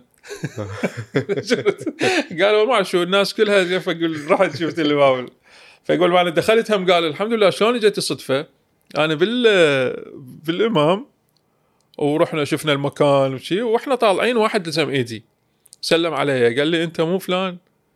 قلت له اي منو انت؟ قال طلع وياي بالجيش من كنا بالثمانينات أيام الحرب. فيقول كنا سوا بالعمارة ما أعرف وين ما أدري محافظه قال على الحدود يعني هاي المناطق الحدودية بالجبهه وهو يقول موظف بالعتبة قال لي شو هنا؟ قلت له أنا جاي أتعالج هسه بوارث يقول أخذني تجيب لي الطلب خليه أخذه يقول جمني رايح ماخذه للشيخ انه أسوي له تخفيض. قلت له من زيارة من جدك. علاج مجاني.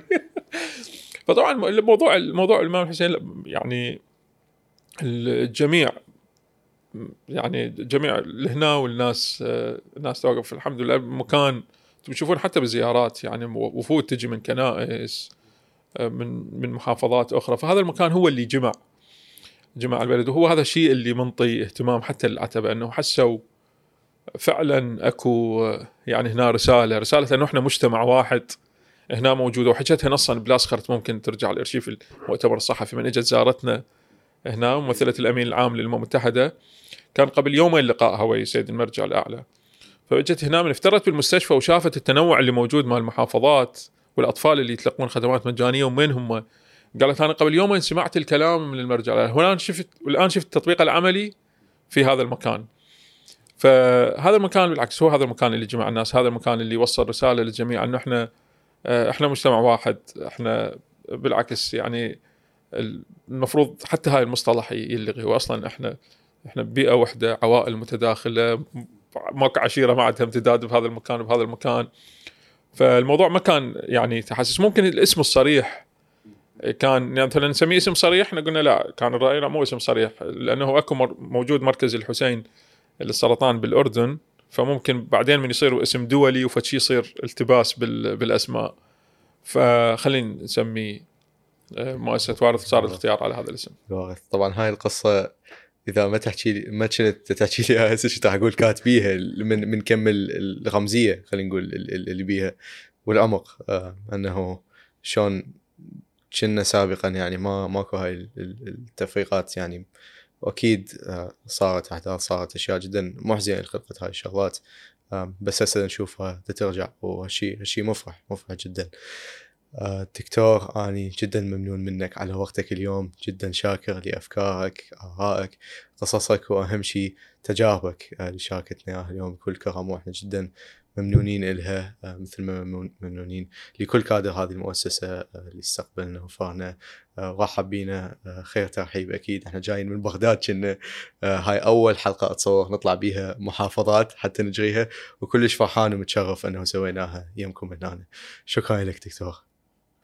أنا أشكركم جدا وبارك الله بكم أنا فرحان جدا بمشاطات من أشوف يعني على إيد شبابنا أنه ينتجون برامج بهذا بهذا المستوى. أنا أشد على إيدكم وأتمنى لكم كل التوفيق. شكرا جزيلا.